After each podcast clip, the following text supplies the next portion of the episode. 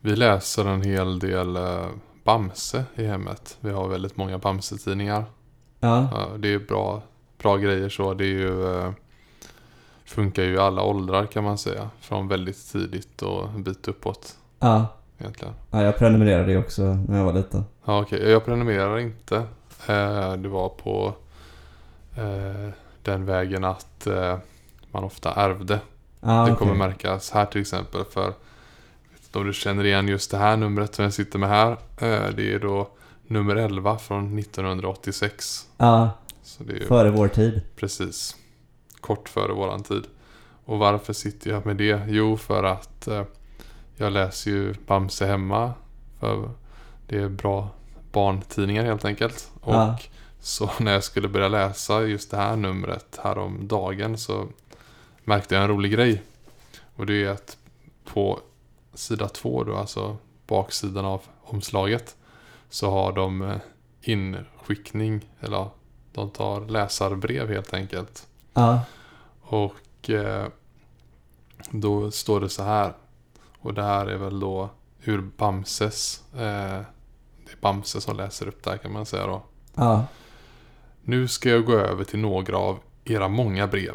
Den här månaden har ni skrivit flitigt. Veronica och Karolina Carolina i Nacka gillar visst inte Teddy. De skriver. Vi är två tjejer på nio år som tycker att Teddy ska drunkna eller dö på något annat sätt. Alltså jag...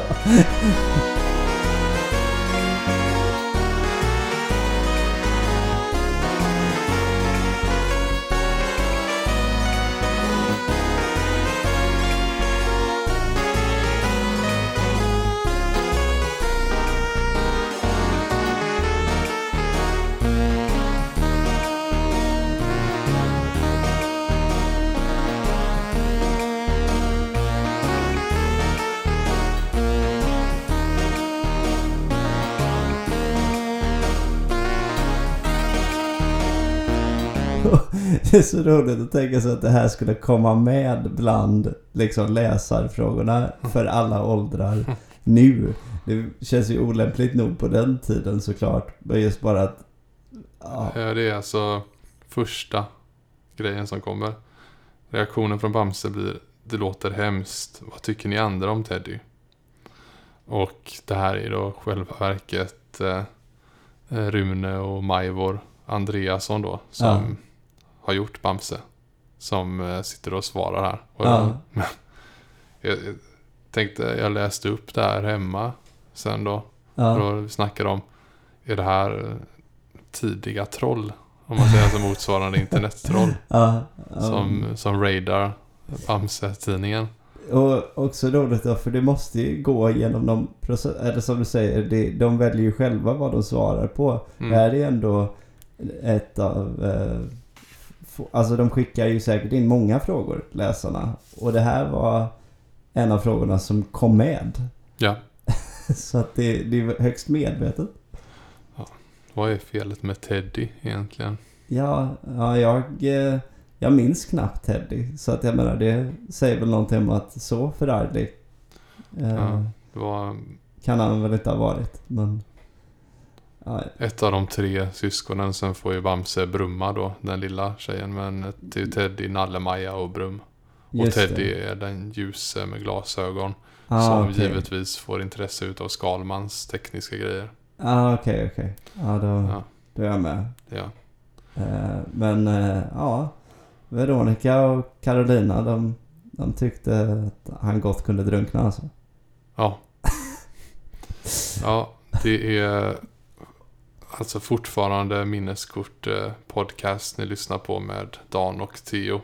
Och eh, året är 2000, månaden är juli och datumet är den sjätte. Mm. Nu, året är väl 2020 rent av. Ja, förlåt mig. Ja, nej det är konstiga tider vi lever i så det är inte konstigt att man kanske önskar sig att det var 20 år sedan. Mm. Vi satt här sista februari 2020 förra gången Mm. och spelade in. Eh, Så det är ett bra tag sedan. Ja, Och då var det verkligen sista så långt det kan gå i och med att det är skottår. Så vi satt den 29 januari.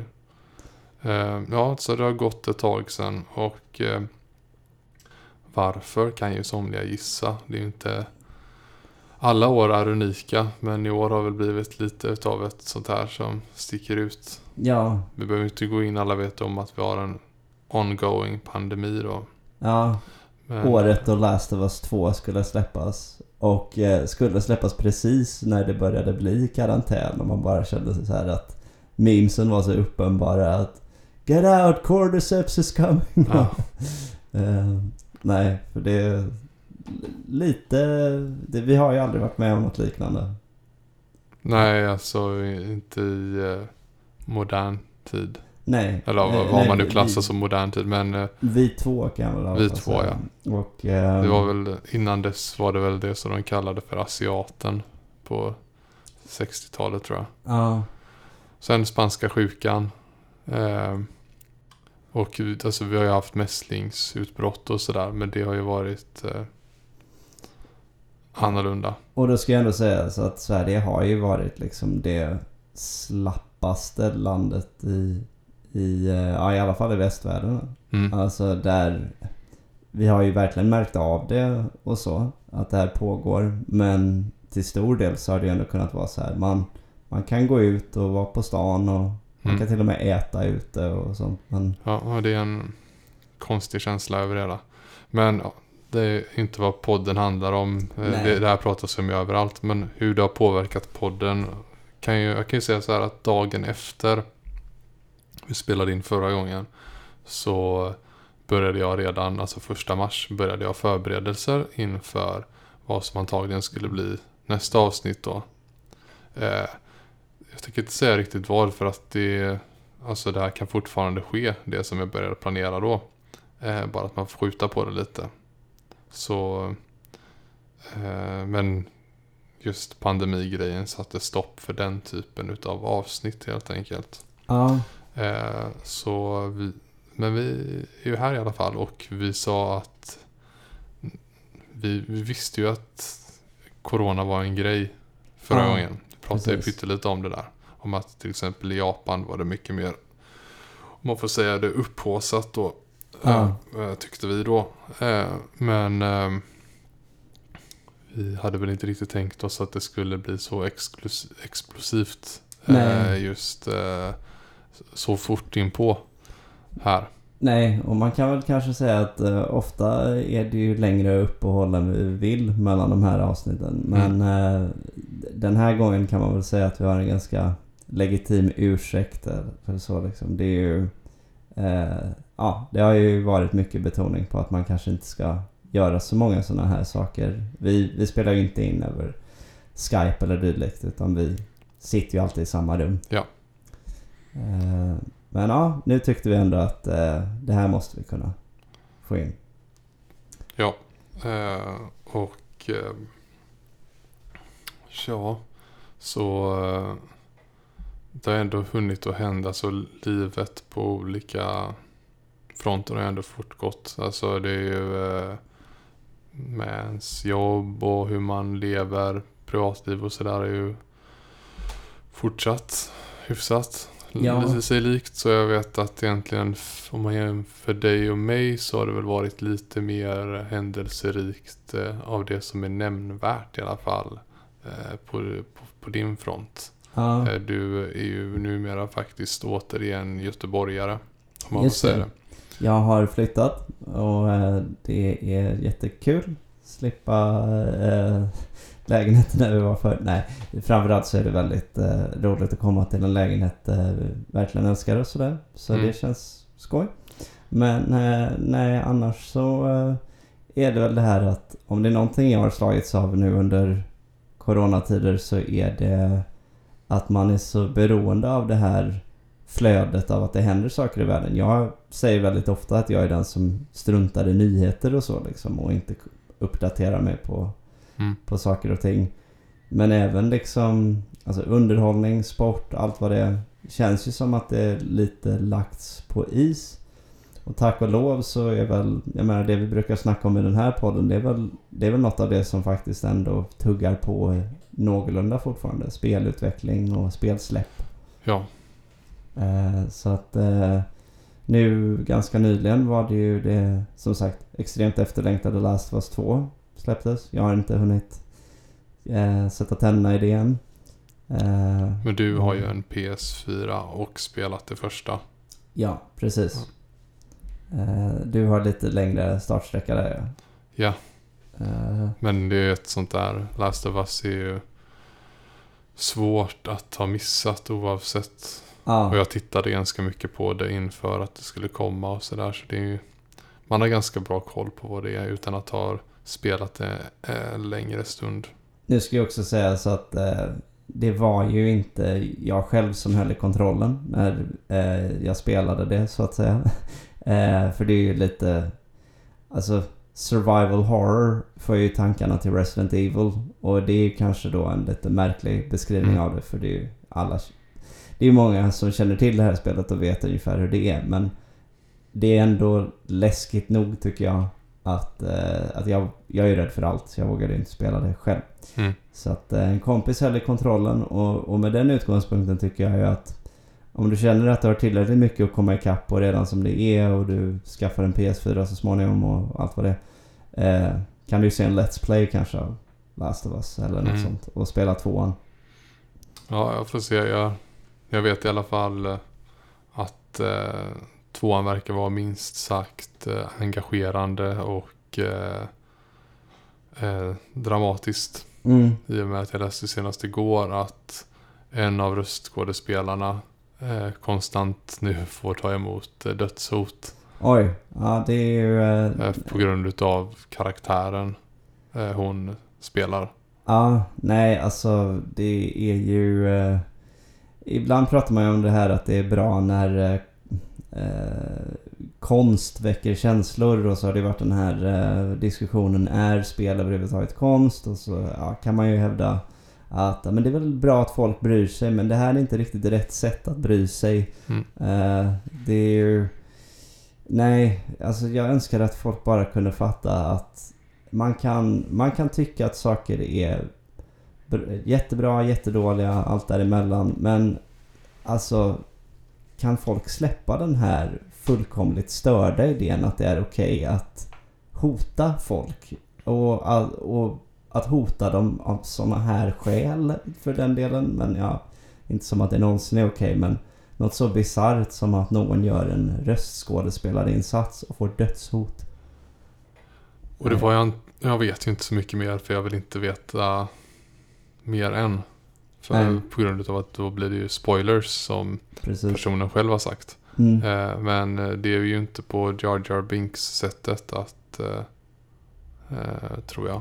Nej. Att de avskydde allt. Men Nej. bara liksom hur rösten var och sådär. Utan jag tror det är väl mer karaktärs... eh, Alltså, Gestaltningen. ja. ja, eller kopplat till vad som kanske händer Ja. eh, i narrativet. ja. Men, Nej, ja. Och det har ju varit eh, polariserande på andra sätt också. Eller ja, mycket på det här sättet antar jag. Men just det här att man tittar på Metacritic och så kommer jag inte ihåg om det du vet en, en critic score på 9,4 eller vad det nu ligger. Någonstans där omkring. Och så är det en user score på, ja jag vet inte vad den är nu, men så här 3,7 eller någonting för att massor av troll går in och reviewbombar och sådär. Och Jag menar, det som är väldigt tråkigt med sånt är att det är mycket möjligt att, att du vet ett spel kan genuint eh, vara en eh, besvikelse för, för seriösa bedömare och tycka så här, det här är inte vad jag tyckte var rätt riktning men det är mycket som ändå är okej och ah, jag tycker 6 av 10, du vet den sortens grejer. Jag, jag tycker inte det är något konstigt att kritiker och eh, större publiken inte är helt överens. Men när det kommer in såna här troll liksom det, då förstör ju det hela integriteten. Alltså, ja. man får ingen riktig uppfattning. Det värsta, vi kanske har pratat om det här. Eh, typen av sånt här fall måste ju vara i Game of Thrones. Att Ja. folk inte förstod att eh, Prince Joffrey Mm. var en barnskådespelare. Ja, Som var extremt duktig på det han gjorde. ja exakt. Eh, det är också så helt... Eh, och, ja, nu vet jag inte hur mycket koppling det hade till det. Men det var ju det här att han drog sig tillbaka och, och gick över till akademiska. Ja, Han la ner karriären. Ja. Och eh, ja, det är klart att det kan säkert ha präglats lite av att okej, okay, jag har en tillräckligt bra insats i en roll så verkar det liksom sluta med att folk ungefär vill spotta på mig på stan. Mm. Ehm, nej, så att eh, det, jag fattar det inte. Men eh, man, ja, kan man inte förstå att det faktum att du blir så här upprörd, det, det är ju snarare bara ett tecken på att personen gör ett grymt jobb. Mm. Ja. Ja, vi, vi lever i alla fall båda två här. Det Ja, är, det ju, vi. det är ju hur mycket man än vill tala lättsamt om det som har varit så är det ju faktiskt någonting som fortfarande är seriöst och eh, Ja, i, i vissa utsträckningar väldigt farligt då. Men det jag tänkte på med eh, att du har flyttat hit till Göteborg, alltså du har bott i Mölndal som Ja. egentligen är en del utav Göteborgs sprawlen då. Ja. Städerna sitter ju samman, det är två kommuner. Men något jag, jag vet inte om vi har pratat om det överhuvudtaget du och jag eller om det är nämnt här. Men det, något jag alltid tycker är kul är om man kommer ifrån, eh, för er som bor i Göteborg, väl ni som har koll. Eh, annars kanske ni har det också, men om man kommer ifrån Salgrenska hållet och beger sig via Tolptorp, Toltorpsdalen eh, eh, in i Mölndal. Så är det verkligen så fort den stadsgränsskylten är så är det verkligen gräns i marken också. Ja. Att på Göteborgssidan är det vanlig tråkig asfalt och på Mölndal är det röda fina stenar lagda i mönster. verkligen så här. ja. Och staketen eh, och bullerplanken blir mycket finare och sådär. Jag menar att det ser ut som nästan sån här uh, fantasyvärld att du går igenom en portal och nu är du plötsligt, du vet så här, du, du gick från det här att vädret var dystert och hemskt. Men Mm. nu kliver du in i det förlovade landet Mölndal. Ja, precis. Eh, ja. Jag har också, eh, du, du nämnde det för mig någon gång för många år sedan tror jag. Eh, och så var jag så här, nu ska jag kolla efter. Så, Ja, jo, jo, det är helt sant. Eh, men, ja, det är...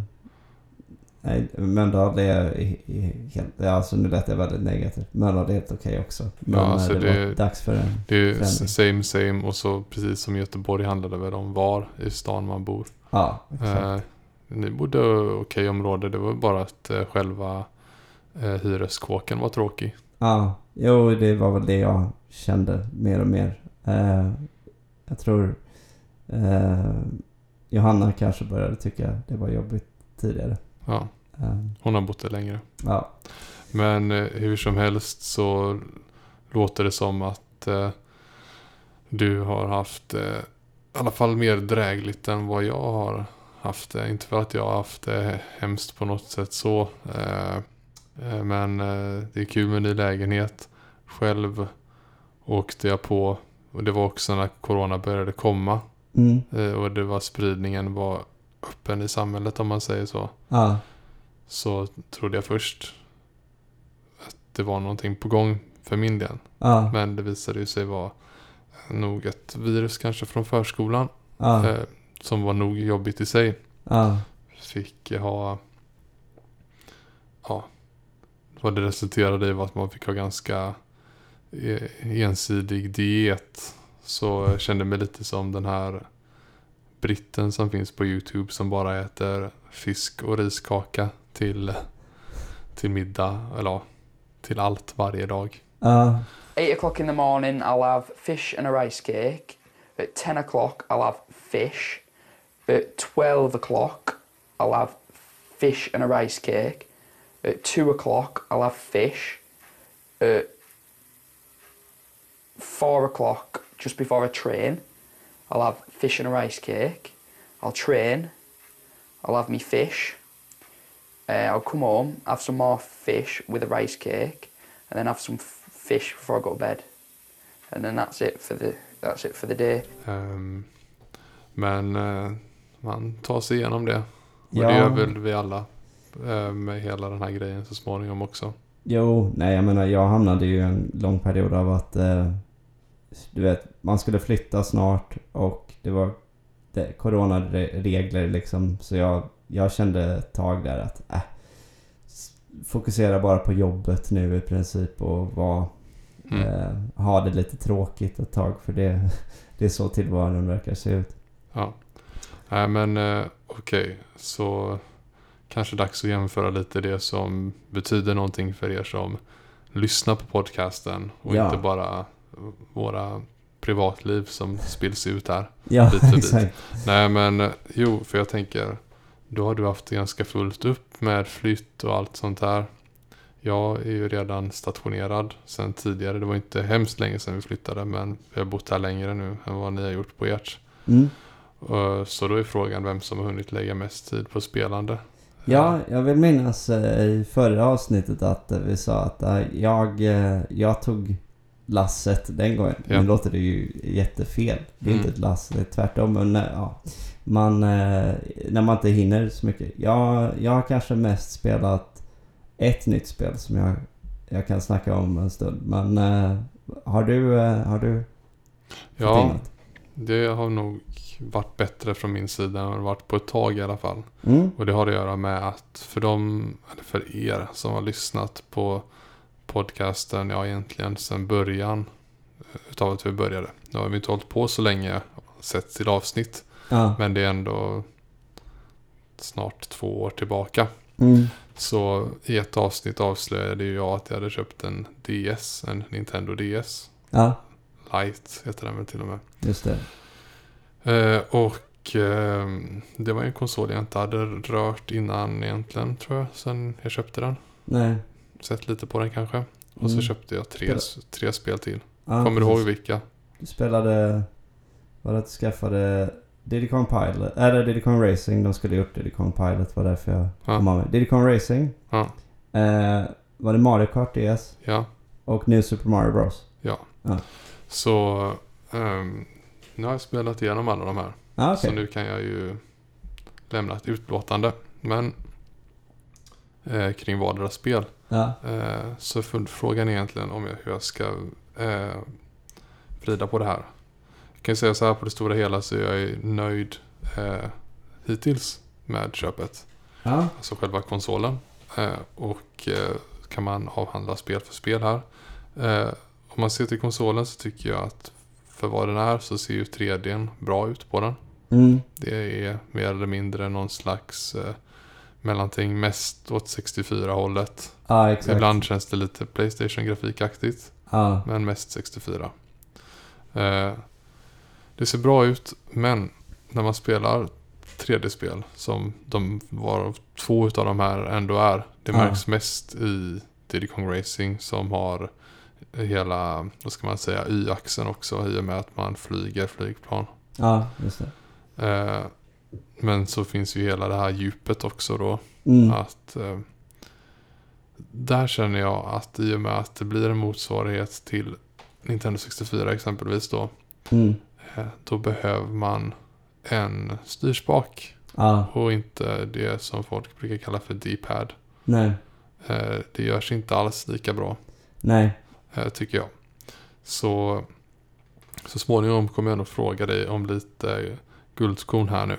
Eh, du kan tänka medan vi pratar. Ja. vad som skulle passa mig. För det jag letar egentligen egentligen efter, ja egentligen mer kanske åt turn-based hållet eller något som funkade då var ju till exempel som eh, New Super Mario Brothers som är ett eh, 2D-plattformsspel. Det är som gamla Super Mario, bara Mm. att det har blivit eh, upphottat om man så får säga Mm. med eh, eh, 3D-modeller och Ja. eh, lite annan funktionalitet och sådär. Ja. Så finns det lite minispel och sådär hit och dit. Eh, så jag kan försöka, så kanske något åt det hållet, om det är något bra 2D-plattformar eller något sånt. Men eh, helst något mer, eh, så jag gillar ju eh, turbaserade spel, alltså Mm. turn-based och eh, mer taktiska och sådär. Eh, men eh, jag kan ta det kort om de tre spelen då. Eh, jag kan säga att på tredje plats blir det Diddy Kong. Mm. För att det var egentligen en eh, konvertering utav det gamla som blev, gjorde att det blev sämre. Ja. Och mest på grund utav att det inte var det kan gå lite för fort för vad kontrollerna klarar tycker jag. Och Mm. eh, sen har skärmen i konsolen också någon slags sån här gloss-effekt. Så Ja. att sitter du inte helt rätt i ljus och eh, eh, ska man säga, förutsättningar runt omkring i din miljö Ja. så kan det hända att du inte ser någonting av vad som sker på skärmen. Nej. Och sen den här eh, stylen, eller stylus kallas den va? Ja. Eh, den, eh, den påtvingades alldeles för mycket tyckte jag i det spelet. Det, att sitta och försöka poppa ballonger och sådär var inte en höjdare. Nej. Eh, ist- Ja. Istället för att jaga silvermynt. Det var ju ganska många som försökte klämma in att den skulle användas bara för att funktionaliteten fanns. Mm. Och eh, jag tyckte att det fanns vissa spel där eh, man faktiskt försökte integrera eh, pekskärmskontroller. och The World Ends With You är ju ett väldigt bra exempel på där man liksom gör olika svepande och ritande rörelser som eh, blir eh, nice och intuitiva. Eh, Mm. Jag gillade det även i Zelda-spelen till konsolen. För där är det liksom, du styr med pekaren nästan helt. Alltså det är inte Mm. istället för att använda ett, styr, en styrspa, eh, ett styrkors. Ja. Men eh, nej, jag minns så väl eh, det första Castlevania som kom till DS. Och då var det liksom, ja, rita ett sigill liksom för att döda bossen. Och det var så här, det tog det bara ur actionen. Det var jätteonödigt. Så jag, jag kan absolut tänka mig att det inte funkade i Didcon Racing. Ja.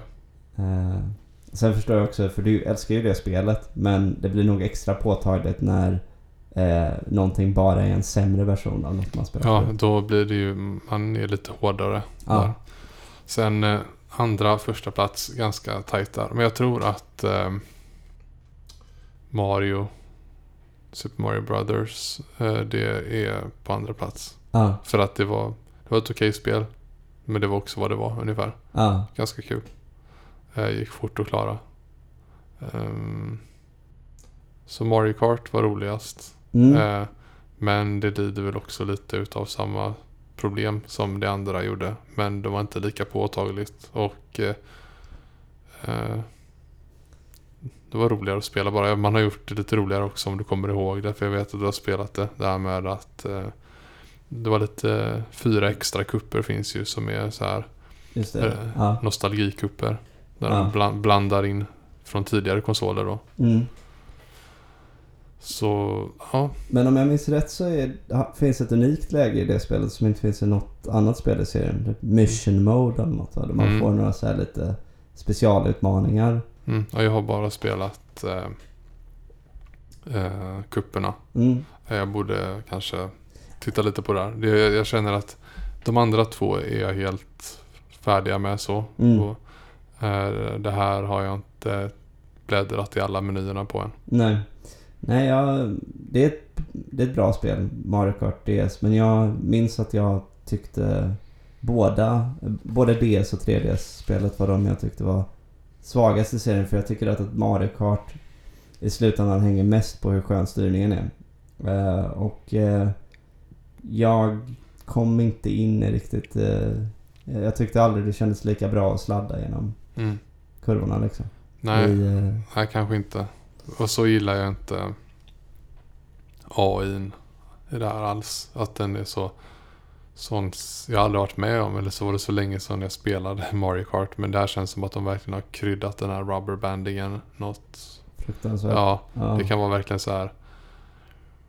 Att den som är, för det är ändå förbestämt vilken som ska vara den som slåss med dig genom alla banorna om första platsen. Mm. Och blir det så att den blir skjuten med ett blått skal så att den dessutom trillar ner i lava och sen fastnar och Mm. håller på. Sen plötsligt, Den är ändå tillbaka. alltså inom väldigt kort lopp av tid. Nej, alltså eh, vi... Eh, jag kommer inte ihåg om det kom upp att vi pratade om hur det funkade i Mario Kart 64. Det tror jag säkert var med i Ja, det här med att om den kommer för långt efter att den Ja. skulle ge upp. Men Ja. så är det ju inte här. Och kommer det, och blir det vice versa att den ligger för långt framför dig Ja, så är den borta sen. ja. Nej men eh, jo, det... Jag försöker komma ihåg nu. Det var ett väldigt bra tag sedan jag spelade det spelet. Men det, det låter inte obekant i alla fall. Eh, Mm. Det här med att det var... Ja, det har ju alltid varit lite av ett problem med Mario Kart. Att de att man inte bara kan belönas för ja, jag körde ett perfekt lopp så det var det liksom. Mm. Eh, men eh, ja, förutom i Mario Kart 8 där det istället är det här märkliga att det är om man ligger mellan ungefär 4 och 8 som man är helt körd. Att ettan och tvåan har, det är nästan bara de blåa skalen som når fram liksom till ettan där. Ja. Alla de andra är en, eh, ett evigt inferno av röda skal. Ja, det Så- kan jag känna igen. Ja. Eh, nej, men du sa där att eh, jag får fundera ut lite um, turn-based eh, spel. Ja, sen finns ju, vet jag ju, lite Zelda-titlar att vraka mellan. Mm. Jag, jag är Jag ju som dig att jag, jag är ju som dig att jag gillar eh, stilen som uppkom med Wind Waker med cell shading och sådär. Mm. Så jag har ju länge tittat på det här Spirit Tracks. Ja. Men det går ju alltid för mycket pengar och sådär så det... Ja, nej men eh, du kanske, ja, jag kanske kan gräva fram mina så kan du låna dem annars. Men eh, jag eh, tycker att det finns legitima invändningar mot de två spelen. Men eh, jag gillade dem ändå ganska mycket överlag. Eh, Mm. Så väldigt spelvärda enligt mig. Eh, sen liksom, det är klart att när du snackar turn-based kommer jag bara direkt nämna att det kom ju två Advance Wars-spel till, till DS. Så kommer jag ju alltid pusha för. Vad tyckte du om dem nu igen då? Så eh, trean är, är, tycker jag är svagast i serien. Eh, Mm. För att eh, man försökte maxa allting. Alla är plötsligt superstarka befälhavare och du kan... Det avgörs ofta på en tur plötsligt för någon släpper lös sin dubbel superkraft och så, ja, den som släpper, använder den kraften först, den vinner för den andra har inga, ingen armé kvar sen. Mm. Eh, men det var ju samtidigt rätt kul att spela mot datorn. Alltså det är kul att känna sig stark och så. Eh, men det, eh, det andra till DS eh, är det överlägset bästa multiplayer-spelet eh, i serien. Och har en eh, gedigen kampanj. Eh, men tyvärr finns det inget sätt att spela den på, på hard, alltså på extra svår nivå. Men det kan ju hända att du ändå hade spelat ett varv bara. Eh, och då... Jag gillar det, det andra till, till DS väldigt mycket. Eh, det som folk invände mot mest i det spelet var att det hade en eh, lite dystrare ton. Mm. De första tre spelen kör väldigt mycket så här. Eh, vad kallar man det? Light-hearted, alltså glad, eh, färgstark stil.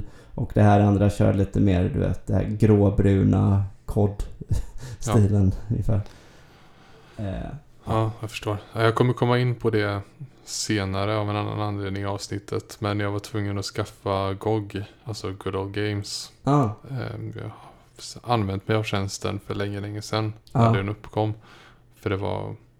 Det är en cool grej. ah, Men eh, så när jag skapade ett nytt konto där så såg jag ju oj det är så mycket lovande spel.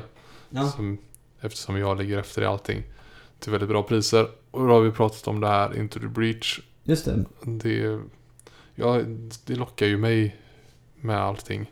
Ja, Så, men det var, du gillade inte estetiken så mycket. jag kastade faktiskt ett öga på det igen för en vecka sedan ungefär och är lite... Jag vägde om jag skulle köpa det. Eh, för det är Steam Summer Sale nu. Ja, Eh, Så jag tror det var nedsatt till halva priset eller något sånt. Eh, och eh, ja, det landade då istället i det här andra spelet jag har köpt. just det. Så jag har ju provat eh, tre gamla men nya spel för mig då. Ja, Och du har provat ett nyare i alla fall. Eh, Ja. Det har funnits ett tag. precis. Och eh, förra gången så pratade ju jag om ett spel som... Eh, ja, det är en väldigt bra kanal så vi kan fortsätta plug eh, Game Makers Toolkit av Mark Brown. Eh, han pratade ju om eh, Baba Is You och det pratade jag om förra gången. Ja. Eh, men han har även pratat på sin kanal om Slay the Spire. Och det är det jag har kört nu. Ett så kallat deck building roguelike. Eh, roguelike visste jag nog inte själv vad det var för genre för... Alltså förrän för ett, två år sedan. När eh, jag, jag jobbar ju med spelöversättning. Och eh, i en del texter så snackar de om så här... Ja, eh, en exciting roguelike eller något sånt. Och så... Eh, då var jag ju tvungen att fatta vad det är jag översätter. Vad får man översätta det till? Det brukar faktiskt, eh, antingen så behålls det så att man skriver roguelike, alltså på samma Ja. sätt som det får heta first person shooter eller Ja. ibland, ja. Men, eh, eller så skriver man runt det liksom och, och försöker förklara lite mer vad, vad för sorts spel det är. Och det är ju, eh, för er som inte är så bekanta med begreppet, som jag inte var. Du kanske har koll på vad det syftar på? Ja, men eh, säg för två år sedan också så hade jag eh, en annan uppfattning om det kan man säga. Ja, Det var egentligen, jag fick ner det mer på papper efter att ja, Mark Brown då från Game Makers Toolkit har pratat 151 gånger om typ Splunky och Ja. sådär. Så okej. Precis, så det, det förvirrande med det för mig är att eh, vi som är bekanta med eh, spelterminologi eh, tänker ju på Rogue, ordet Rogue och förknippar det med en eh, ungefär World of Warcraft-klass eller någonting sånt. Mm. Eh, och eh, att det är mycket stealth och, och så Det var min eh, instinktiva, är ett smygaspel då. Ja, jag tänkte att det betyder, ja, ah, Thief, det gamla spelet. Det är Ja. säkert ett roguelike. Det, det var min eh, instinkt. Men eh, nej, nej. eh, Det fanns ett gammalt spel som hette Rogue. Och Mm. då har man kallat en hel genre för roguelike då. Att det påminner om det här gamla spelet. Ungefär som Metroidvania Mm. som bygger på två andra spel då. Ja, eller att eh, om jag minns rätt tror jag FPS kallas Doom-like i, eh, i eh, Frankrike. Mm. Så eh, jo, den här genren i alla fall definieras av att eh, man eh, ja, av slumpgenererade miljöer eller utmaningar och sådär där man satsar på att klara sig så långt som möjligt med eh, de förutsättningar som dyker upp och om man misslyckas så är det bara att börja om från början men då är det ofta att du liksom tjänat någon typ av fördel till att kunna ta dig längre nästa gång och så.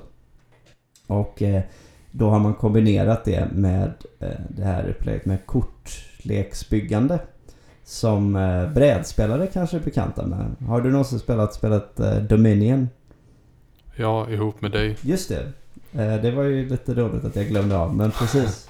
Eh, så det är, för de som är bekanta med det, så är det ett spel där man börjar med en kasslek eh, med rätt dåliga kort och sen gäller det liksom att successivt lägga till kort till sin lek så att man kommer kunna dra bättre händer och därmed ja, få ut mer av sin tur. Och ehm, det är samma princip som gäller i det här Slay the Spire då. Att eh, du eh, kommer in i ett rum mot några fiender, du använder dina kort för att besegra dem.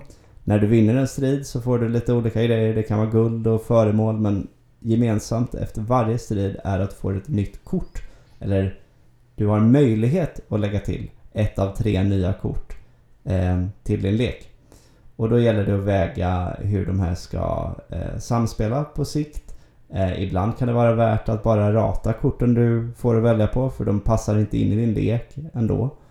Eh, och då, för det är lätt annars att tänka ja jag ska ta ett nytt kort, jag ska ta ett nytt kort. Men till sist så har du liksom en lek med 35 kort. Och så drar du inte de korten du faktiskt vill dra. Idealiskt sett vill du ju dra din perfekta hand varje gång liksom. Eh, men ja, så, det, så gäller det att besegra svårare och svårare fiender. Och jag tror att du hade gillat det eh, också. Eh, Jag kan tänka mig det i alla fall. ja. Eh, om eh, Dominion inte var något som var bekant för folk så kan jag annars nämna antingen Hearthstone eller Magic the Gathering att alla som spelat de här lägena som då Arena i Hearthstone eller eh, Draft i Magic, alltså att man eh, omsorgsfullt väljer ut sina kort inför att man spelar och bygger sin lek på det sättet. Så påminner det ju mycket om det. Bara det att här sker det löpande att du bygger din lek istället för att du bygger hela leken på förhand och sen ser hur långt den räcker då. Eh, Men eh, nej, passar ganska bra för mig nu också eftersom jag eh, har min återkommande krämpa med min arm Mm. och kanske inte ska till mitt stora förtret ska jag inte spela så mycket Dota för tillfället. Nej. Kommer sen hoppas jag. Ja, eh, och eh, ja, eh, just det. Och de fick skjuta upp eh, Dota-VM då. Eh, för, eh, av Ja. förklarliga skäl. Ja, så eh, vi är på något sätt igång igen nu då. Kan man säga. Ja, Nu får vi se hur det blir här framöver. Jag vet att det är ju semestertider och eh, en del som händer i höst eh, utanför podden om man säger så. För, för oss. Men vi ska kunna klämma in lite tillfällen här och där. ja, ja men... Det eh, finns ju alltid saker att prata om om man säger så. Ja, Och vi har väldigt mycket material eh, färdigt sedan länge tillbaka att prata om. ja, precis. Så, Exempelvis ja, nästa sektion. ja, Och det är ju eh, så att vi påbörjade en topplista för avsnittet som ni minns. Så eh, ja, här kommer fortsättningen. ja. Ja. Ny topplista förra gången. Och det var alltså våra favorit-soundtracks. Ja. Och ehm, vi avhandlade plats 10. Och där pratade jag först om Theme Hospitals soundtrack. Och sen Ja. pratade du om, Sonic 2. ja. Och då är det dags för plats nummer 9. Och eh, den här gången är det alltså du Theo som börjar. Ja, och eh, då var det ju... ehm, så min plats är en som eh, nog kommer med på en och annan eh, lista för även när andra skapar såna här. Eh, det är nämligen så att eh, jag har valt Donkey Kong Country 2 som min nionde plats. Och nej, det är det att eh, jag tycker ju personligen att, eh, att det här soundtracket, jag, jag tycker det är jättebra. Men det är ett som ofta kommer upp eh, som, ja det här är min, min favorit, eh, mitt favoritsoundtrack någonsin. Eh, säger vissa. Och för mig är det det att vissa sådana här eh, låtar från det som Sticker Bush Symphony eh, eller eh, vad heter den, Forest Interlude. De är otroligt skickligt gjorda och jag gillar dem. Men de är inte egentligen så personligt tilltalande för mig som det är för många andra. Men det här soundtracket är ändå lite som när jag så här motvilligt får erkänna att ah, ja okej, Gu- Gudfadern 2 är ändå jätte, jättebra. Alltså det kanske inte är min typ av genre med maffiafilm och allt det här men fasen vad, vad bra det ändå är. Och på samma sätt som när jag jämför då med den eh, lite för en stund här. Så är det det att vad är det som ändå gör att jag tycker den filmen är så bra? Jo det är att jag tycker det är ett väldigt spännande karaktärsporträtt mitt i allt. Eh, och det tilltalar ändå mig mycket trots att inramningen är så här inte min grej. Eh, och lite gre- den grejen är det här i Donkey Kong Country 2 att visst, många av de här mest håsade thingsen, de kanske inte är min grej lika mycket. Eh, men däremot så finns det en del här som verkligen är jättemycket min grej. Alltså det här title screen themet.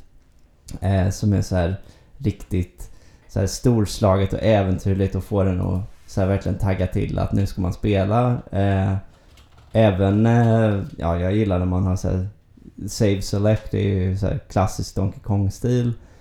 Eh, men mina favoriter kommer eh, tidigt i spelet på skeppet. Eh, Jib Jig är en, eh, en stor favorit. Och påminner mig faktiskt lite också roligt nog om eh, title screen themet från Heroes 3. Eh, det finns någonting i den som... Eh, ja, Mhm. Det är någon del... Dun, dun, dun, dun, Ja, just det. Ja, nu förstår jag vad du menar. Ja, Jag har inte tänkt på det så mycket. Nej, men det var, det var faktiskt det första jag tänkte på när jag hörde Heroes 3-temat. För jag hörde det så sent i livet liksom. Så att eh, det, nej, pluspoäng för det. Eh, Och eh, sen min favorit då från soundtracket, nämligen Snakey Chanty. Som är så här bara...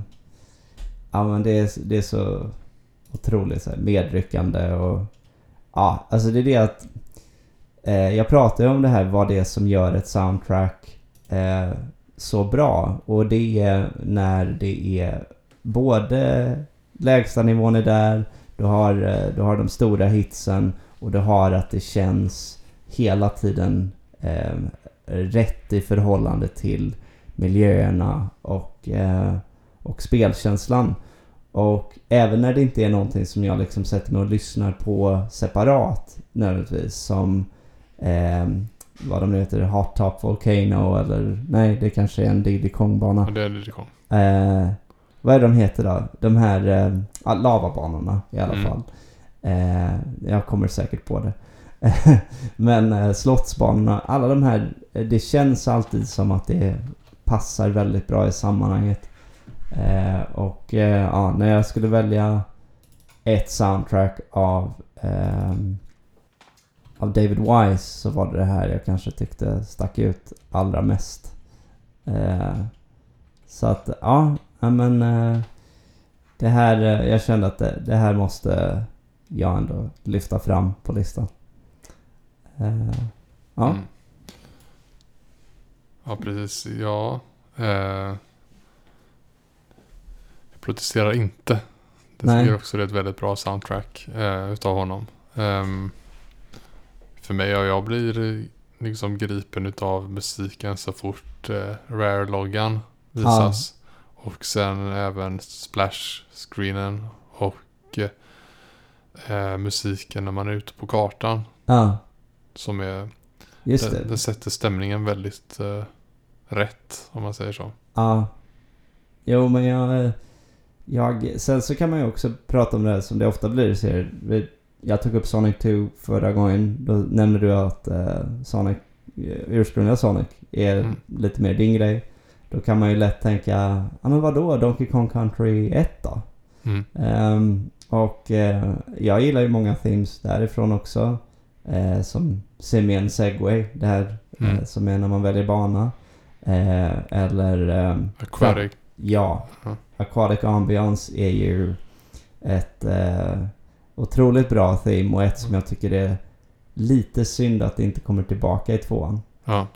Här är det, vad är det heter istället? Lockjaws uh, någonting. Eh, Och vad är det det heter? det är mycket mer... ehm, Ja just det. Lock, intensiv. Lockjaws saga. Ja, det är mycket mer intensivt och eh, ja, funkar i och för sig. Alltså väldigt, eh, väldigt bra för banorna där det är med. Men ja, jag kunde sakna eh, det där från ettan. Mm. Men eh, trean vill jag minnas var eh, samkomponerat va? Av Yes. David Wise och Evelyn Fisher. Yes. Mm. Uh, ja. Alltså det första, om man nu ska prata om det, har ju andra kompositörer på sig också. Ah, okej. Eh, han har nämnts tidigare. Och eh, vad var det namnet på honom? Vad vi pratade om hans brorsa nu senast. Beanland. Beanland ja. Mm, Robin Binland då. Ja. Eh, det... Nej men... eh, det är, vi har ju pratat lite om det här spelet tidigare och så också. Men eh, det... är- Jag tror att en del av varför det är så...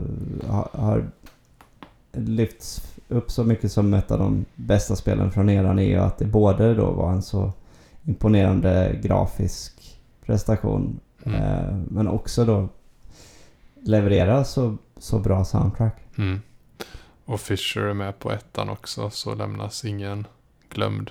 Nej. eh, Eh, Det är väldigt tekniskt imponerande. Eh, alltså det här, du tar SNES-ljudchippet och gör en eh, låt som Sticker Bush Symphony. är. Alltså det som spelas på Taggbuskebanan uppe i himlen om, om ni inte kan de här. ja, alltså det är ju namnen. en... eh, Den håller ju likvärdig produktionskvalitet mot eh, ja, nutida eh, så här, eh, IDM då, eller IDM Ja, eh, musik.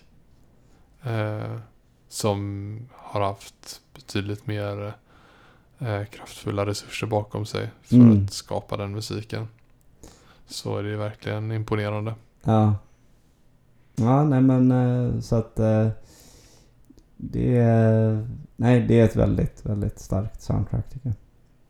Så, men ja, det blir inte riktigt lika många så här utsvävningar ofta när man tänker kring musik. För det, när det gäller att analysera ett spel så Mm. känns det som att, ja, dels är det ju bara, det finns ju så många grejer man kan fokusera på. Där Mm. musik är en grej.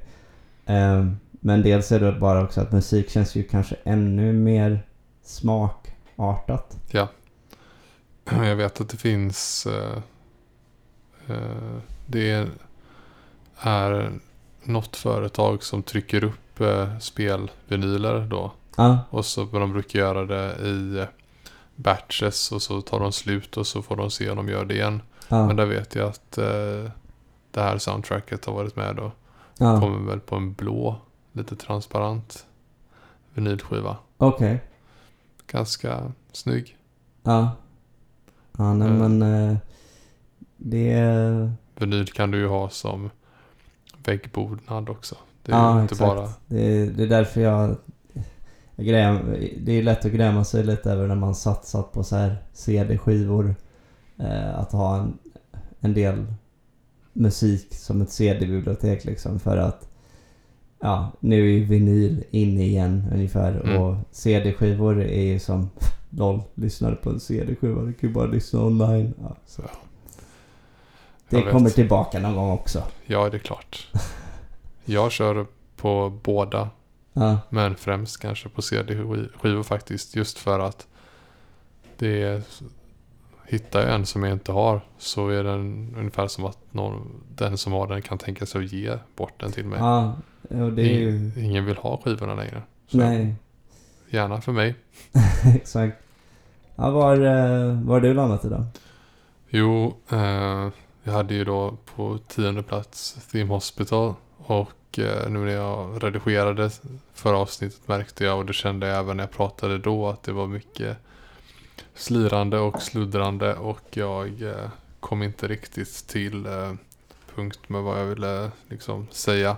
Så sorry för det men Jag märkte s- inget. Nej.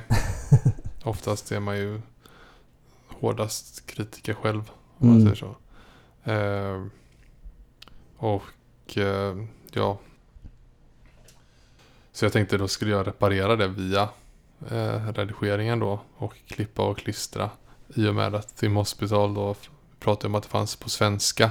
Ja, Och då tänkte jag, ja men då kan jag ju eh, använda de här roliga announcer-ljuden ja, som finns. Eh, och eh, klippa in dem lite här och där. ja, Så hörs inte mitt ö och ö hela tiden. Utan eh, det blir bra. Problemet var då att först tänkte jag att det är säkert någon som har eh, tillhandahåller det här någonstans. ja, Eh, men så var det inte. nej, Nej okej, ja, då får jag se om det finns något YouTube-klipp jag kan eh, klippa ur ur eller sådär. ja, Nej. Funkar inte riktigt heller. Den pratar inte så ofta och det är alltid musik i bakgrunden och då måste man sitta och filtrera ut det.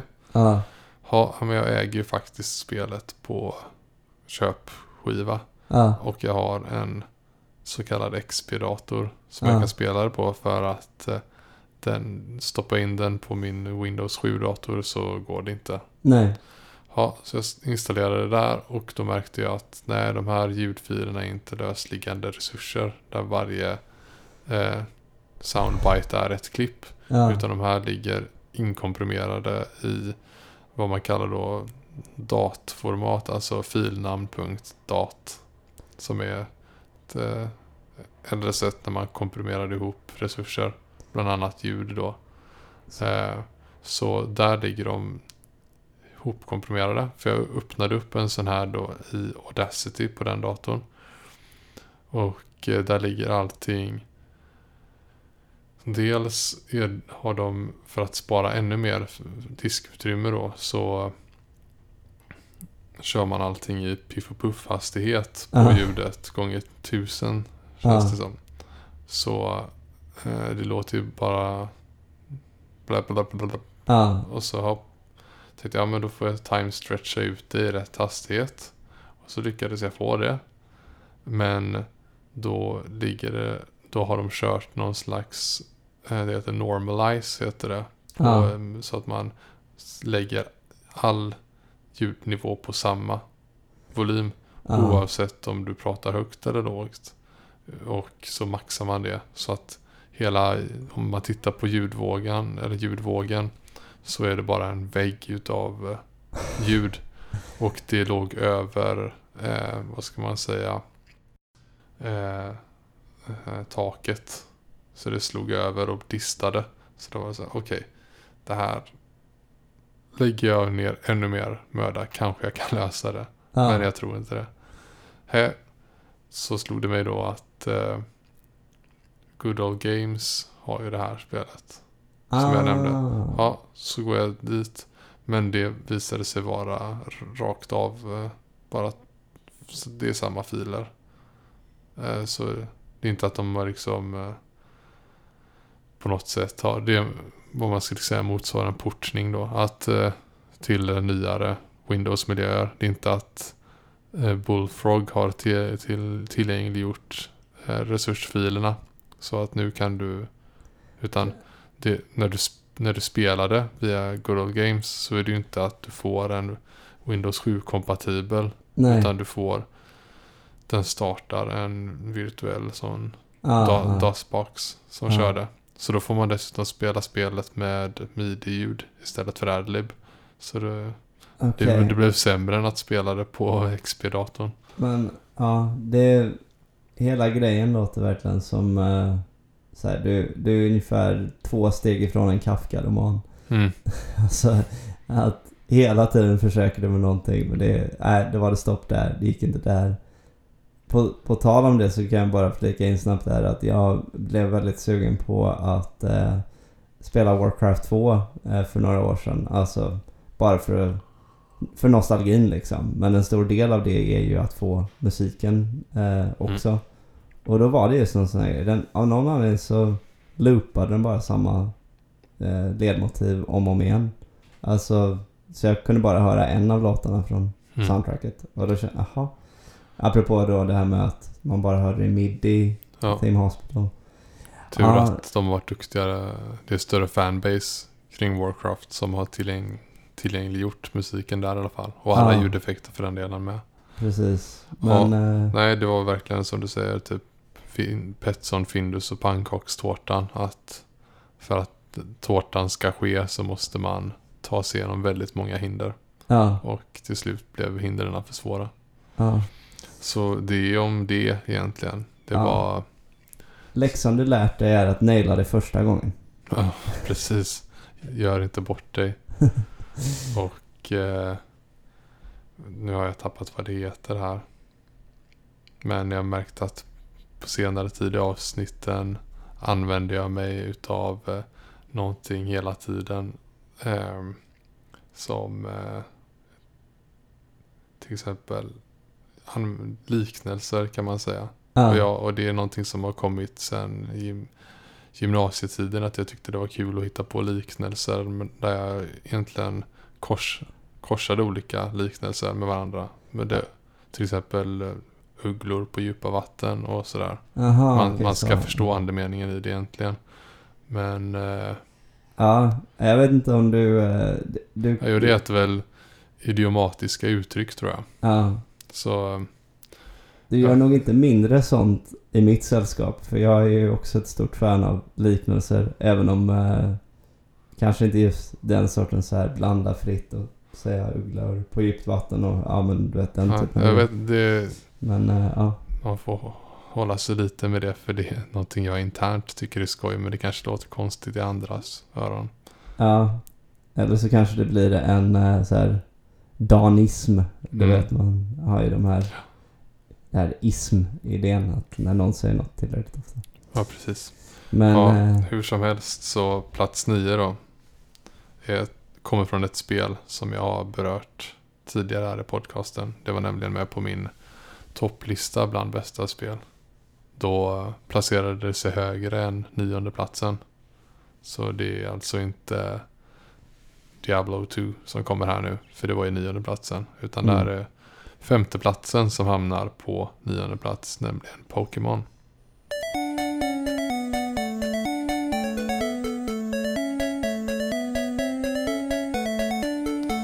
Och eh, ja, det hamnar där för att den enkla anledningen att eh, jag tror att det här har jag nog sagt men det tåls ju säga sen då att eh, inget spel har eller kommer att få en Gameboy att låta bättre.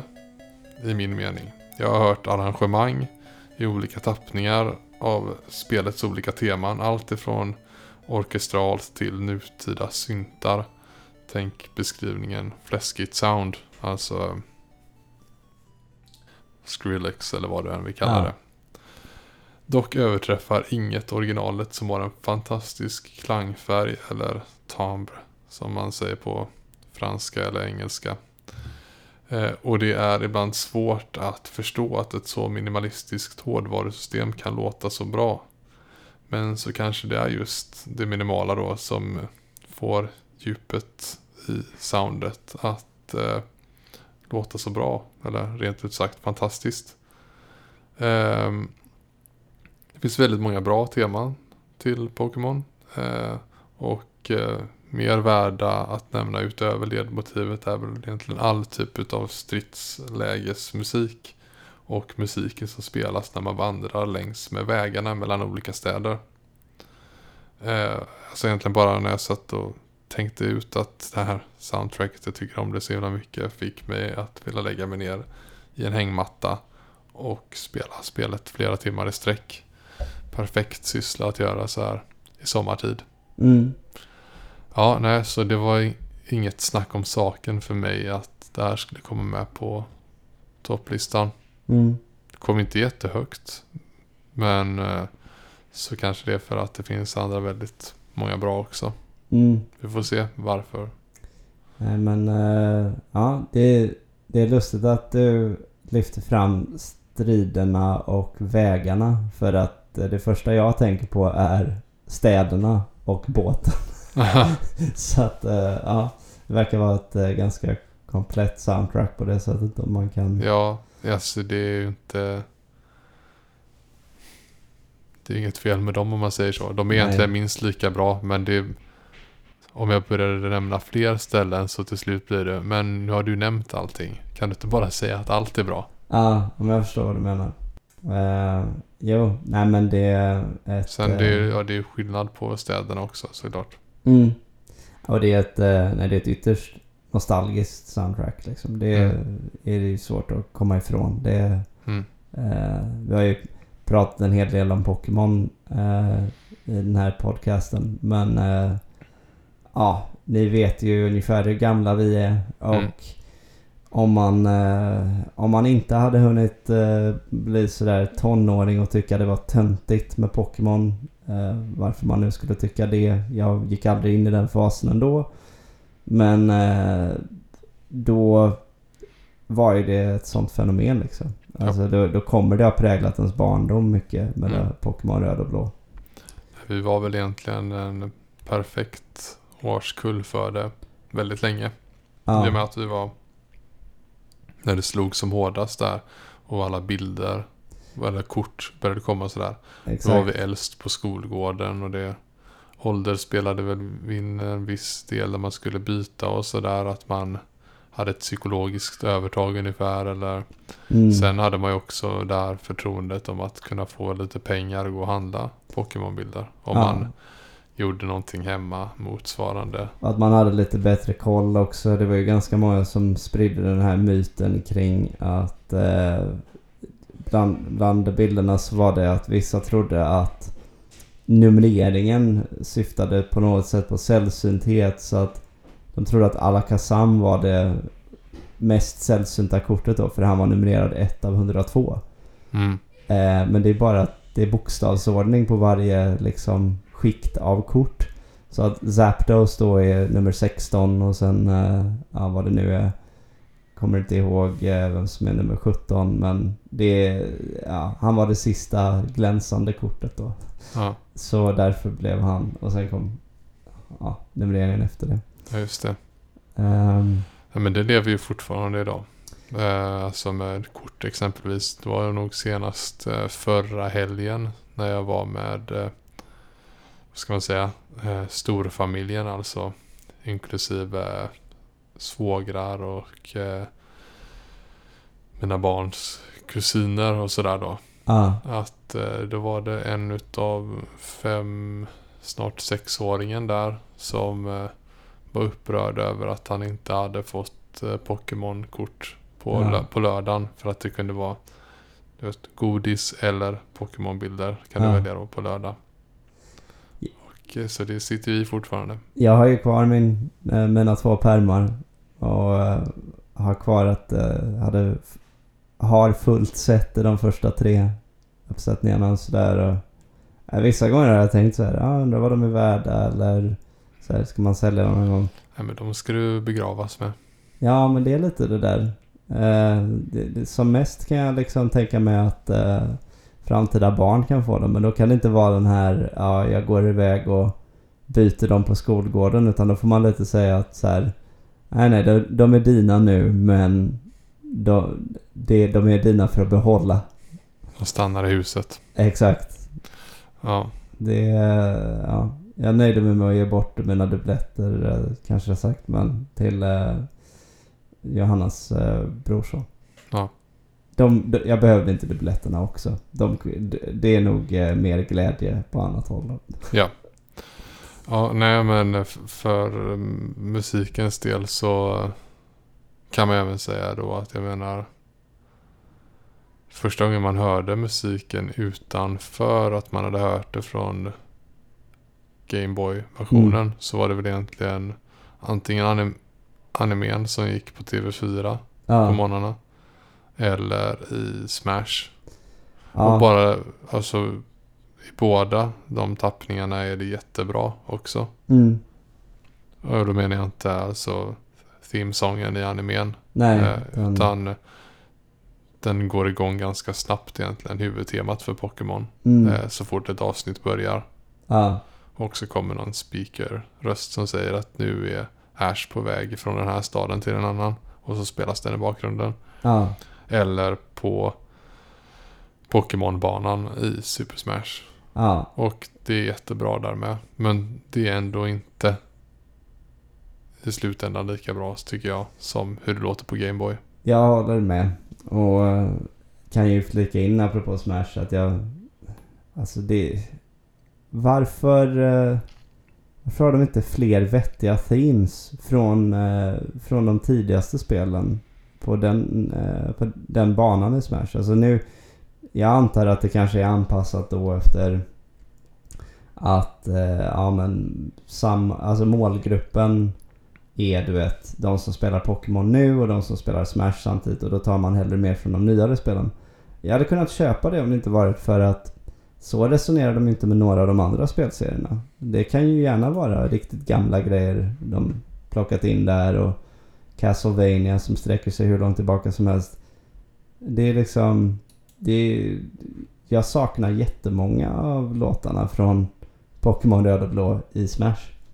Mm. Så att, eh, nej, det är inte så... Ja, gymmusiken borde ju kunna tryckas in där. Jag tror inte ens den är med nej. Nej. Vilket är helt bisarrt faktiskt. Alltså det, det borde ju vara en given liksom. Man slåss ju i ett Pokémon-gym i princip. Eller ja, en Pokémon Stadium. Då. Mm. Just det, där fick man göra musiken också. Sen Snap spelar jag inte lika mycket. Nej, just Men det. Nu de ju komma med ett nytt Pokémon Snap. Ja. För det var exakt det alla önskade sig. Mm. Det och någon sorts Pokémon League of Legends. ja. Jag säger League of Legends och inte Dota för att det såg faktiskt ut att vara mer inspirerat av League of Legends. Yes. Men ja, du nämnde David Wise för DKC då. Mm. Och här har du då Junichi Masuda. Mm. Som, han är ju dessutom programmerare. Ja. Har ju alltså varit med och skapat själva spelet. Det är en sån klassiker som vi har nämnt tidigare. Att, ja, men, han är förresten inte bara bra på det här. Han kan lite om musik också. Ja. Fast kanske så extremt var det väl inte i, i det här fallet. Nu eh, tar vi inte någon längre utläggning om honom. Nej. Men det är i alla fall han som står bakom musiken här då. Mm. Ja, men... eh, Och gjorde väl även det i guld och silver eh, tillsammans med någon annan. Och sen i Ruby Sapphire gick det över till någon annan, tror jag. Mm. Han har även varit en utav dem sen, alltså sedan Ruby och Sapphire som har eh, sagt eh, om en ny Pokémon är liksom, kommer den med eller inte. Ja, ah, okej. Mm. Så han är högst eh, insyltad i det hela. Ja. Eh, nej, jag såg någon invända mot eh, att... För det är ju många som påpekat att eh, designsen var bäst i första generationen och att sen har det blivit konstigare och konstigare liksom. Mm. Eh, och att vissa sa ungefär, ja men det har ju kommit allt från en sopsäck till glass i princip i, Mm. senare. Och då var det ändå någon som faktiskt rakt ut sa, ja men kom igen. Första generationen har faktiskt Magnemite och Grimer och Voltorb. Alltså det här är inte heller liksom... Nej. Eh, Mac. Som, ja, det, det exakt, finns det så många teorier kring det här, vad hans namn blir baklänges och allt det här. Och varför ser han ut som en slimepöl. Men, men Ja, men då, då hade jag behövt se vad han heter på, eh, på japanska för att känna mig övertygad av den teorin. Även om det känns som ett bra tillfälle att flika in det här med eh, den kommande Marvel-filmen. just ja. Eh, Med symbiotmästaren Null. ja, Eller som vi på svenska hade sagt då. ja, precis. Vi hade uttalat K där då. Ja, och så Men eh, upp, där, där vet de om, alltså han som har skapat honom ja, vet mycket väl om vad det betyder på svenska tydligen. ja, och att affischen då när det dessutom är Null is coming. Ja, Ja, så att Mm. eh, vi, vi får väl se hur, eh, hur, hur kampanjen sköts. Hur marknadsföringskampanjen kommer skötas i Sverige.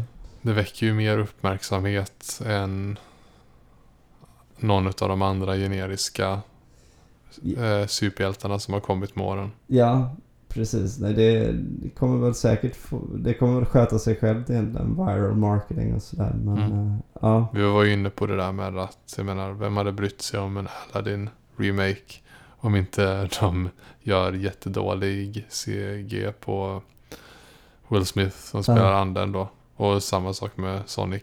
ja Jag menar, det var ju inte så mycket fuzz om det. nej. Och så plötsligt så gör man något så det blir ramaskri och så blir alla intresserade. ja, det är väl så man exakt. kanske gör.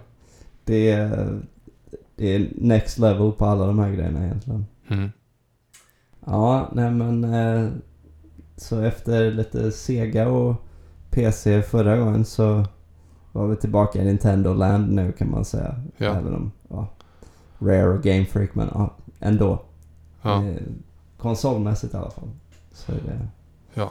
Så plats nummer nio där på bästa soundtracksen. Ja. avhandlad. Eh, Och eh, du nämnde en grej här som jag tänkte vi kan ta och inleda nästa sektion med som jag ändå hade tänkt att du skulle prata om. Så innan vi fortsätter med att prata med om vad vi egentligen ska prata om. Hur det där nu lät. Ja, hur som helst.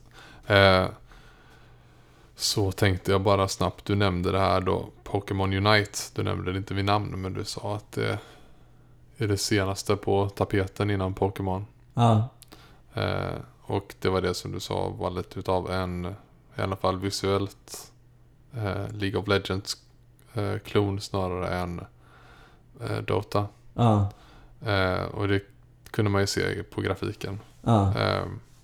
Det är alltså ett spel som kommer att komma till mobila enheter där Switch inkluderas också. Eh, det är alltså de som gör eh, Pokémon har gått samman med Tencent eller snarare eh, eh, TIMI, jag vet inte hur de brukar uttala TIMI kanske. Eh, ett kinesiskt företag som har fokuserat och specialiserat sig på att göra mobilspel främst genom åren. Egentligen konverteringar rakt av ibland. Det finns ett som heter Call of Duty Mobile till exempel. ja. Eller eh, Saint Seiya eller PubG, alltså Player Unknowns Battlegrounds eh, Army Attack och sen Contra Return. Ja. Så mycket portningar låter det nästan som. Men, Ja. ja, eller omformade koncept för att det ska funka för mobilt. Så de hade väl den rutinen antar jag då. Ja. Med just kanske smarta enheter som eh, Nintendos team kanske inte ville lägga lika mycket. Ja. Ja, Det är lite tråkigt när vi just gått igenom Pokémon och pratat om the good old days och sådär och känna att det var en så här äkta premiumtitel och så känner man lite att de Game Freak tycker jag är, verkar vara lite det närmsta Nintendo har i sitt stall till en eh, ja, till en sån här EA Activision stil i princip att ja, kan vi bara casha in med minsta möjliga ansträngning så är det jättebra. Mm. Eh, för det känns inte direkt som en serie som dryper av innovation eh, i sina huvudinstallationer eller huvuddelar och eh, de eh, här sidospåren tycker inte jag riktigt eh, de har inte väckt några starka känslor tycker jag. Alltså att man skulle vara sugen på att prova dem. Nej, jag läste en kommentar till när jag kollade på mer utav, inte bara den här trailern som kom. Utan man Nej. ville se lite mer gameplay. Att det var... Eh, jag har längtat ungefär efter det här konceptet och idén men nu utförandet verkar skit. Ja, Eh, för att det har vi ju pratat om tidigare. Det var ju det här om att när jag pratade om att jag tycker så himla mycket om Heroes of Might and Magic 3. Alltså hädanefter kallar jag det för Heroes 3 då. ja, Och det hade gått lite under radarn för dig genom åren. ja. Men så sa jag att men tänk om det hade varit samma typ av mekanik fast det hade varit med Pokémon egentligen. ja. Då jäklar hade du antagligen varit lika inne på det. ja och det är väl det man tänker alltså. Tänk att ha gjort en mod med Dota. Alltså själva kärnan av Dota. Ja, eh, Mappen. Och så istället för Heroesen så är det olika Pokémons som ska levla upp. ja. Och lära sig olika Ja, av sina ja. förmågor. Det hade funkat jättebra. ja definitivt. Det är ju... eh, Men jag förstår att man inte kan göra det rätt av för att få till för man till bordet då. Mer än att nu är det Pokémon istället. Det kanske blir lite förnyelse där. Men eh, så man vill testa någonting annat då. Mm. Men det ser inte så jäkla roligt ut. Nej. Nej, alltså. Det lilla jag såg av den här eh, trailern eller så. Det kändes mer bara som. Ja men vad, vad mycket det känns som ett typiskt mobilspel. Där man bara liksom satt in någon Charmander här och var för att det. Ja, det är mer tilltalande än en generisk röd blob eller liksom. Ja. Mm. Eh, så att nej, jag... Det var ju det här som flera skrev också att... Eh, ja, här sitter vi och hoppas på ett eh, Pokémon MMO. Och Game Freak bara svarar med... Här, är- här är vad ni får liksom. Mm. Men eh, man kan ju alltid bli glatt överraskad. Det ska man ju alltid hoppas. Ja, nej det är klart. Vill man prova det så lär det vara väldigt billigt att göra det. Om Ja. inte ens gratis kanske. Jo, nej det kan ju Ja. säkert bli ett sånt som är ett microtransaction-drivet spel. Antagligen. Det känns ju som att de har en målgrupp som säkert går på sånt. Ja. Men eh, ja, det är ju det här eh, som jag sa nu att det är ju på något sätt bra att de inte bara reskinnar Dota om man säger så. ja, nej, på ett sätt. Alltså, Alltså på, kanske är det det vi hade helst velat också. ja, Eh, istället att de försöker hitta på något nytt MOBA-koncept. ja, Och det är lite det jag har tänkt på. Och tanken kom inte egentligen med ehm, just det här. Utan det var en annan grej. Och för att inleda det som egentligen då. För nu sitter väl många och tänker. mm, Hallå, nu har ni haft en topplista här. Vanligtvis så kommer en recension. mm, Så berättar vi ju i 25 avsnittet att vi var liksom. Det är slut på recensioner. ja, För att vi kan inte sitta och skriva fler recensioner nu och säga att här kommer nummer tre. Nej. Det blir inte samma sak. För det handlade ju om att det var recensioner från våran barndom. Ja, Av spel som var hyfsat nya då. Precis. Och så hade vi det här jubileumsavsnittet. Om man väljer prisutdelningsavsnittet som var 26 avsnittet. Där Ja. vi delade ut eh, priser. Som ni säkert kommer ihåg. Till bästa spelskapare och eh, spelmusikmakare. Som då gick till respektive Shigeru Miyamoto och Koji Kondo. Ja. Eh, och nu är det ju ett mer normalt avsnitt igen. Så då tänker de, ja, okej, så ingen recension, men vad blir det då?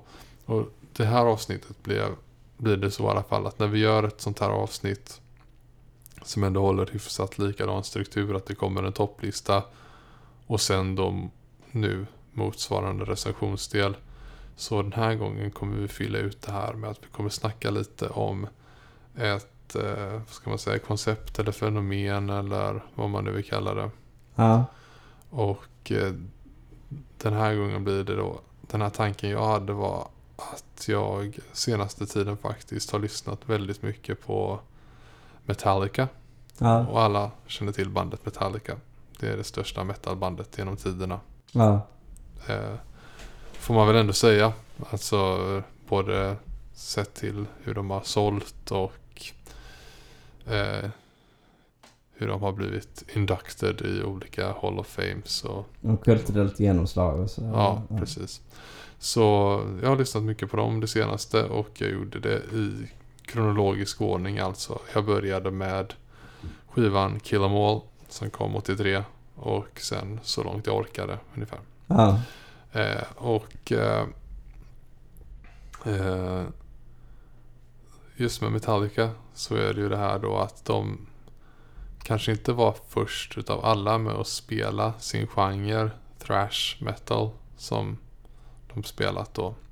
Men de anses ju vara de som gjorde, vad ska man säga, eh, de, de satte en, den spets på genren var och blev.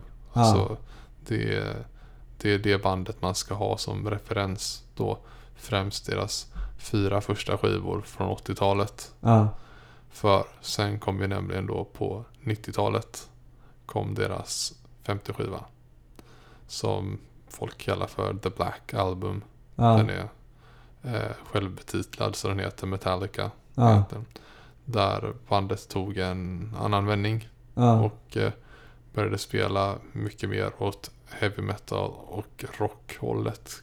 Om man ska se till hur kritiker eh, väljer och, s- och hur journalistkåren har valt att eh, betitla det.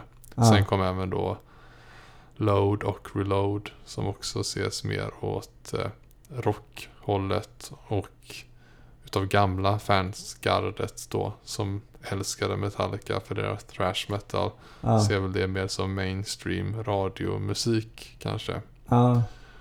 Och sen eh, kom, eh, de gjorde även en coverskiva och en symfonisk skiva där de spelar ihop med San Franciscos eh, symfoniker. De spelar sina främsta låtar kan man säga. Ja. Eh, med en symfoniorkester i slutet på 90-talet. Eh, det är väl där som låten Nothing Else Matters verkligen eh, fick sitt kanske andra men stora verkliga genombrott då. Mm. När, och det har väl att göra med att det, det blir mäktigt med live-symfoniker bakom och så tycker många fans att James Hetfield som är sångare sjöng som allra bäst då. Att han hade blivit en ännu duktigare sångare än vad han tidigare var när han spelade in den skiva i början av 90-talet. Ja.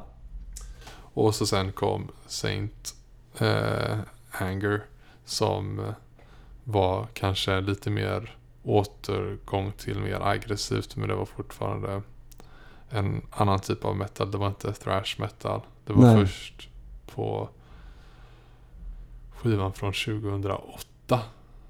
Eh, som, vad var det den heter nu då? Ehm, den heter Death Magnetic tror jag. Ja. Eh, då blev det mer thrash metal igen. Okej. I alla fall. Men det, och det bandet har sagt det själva.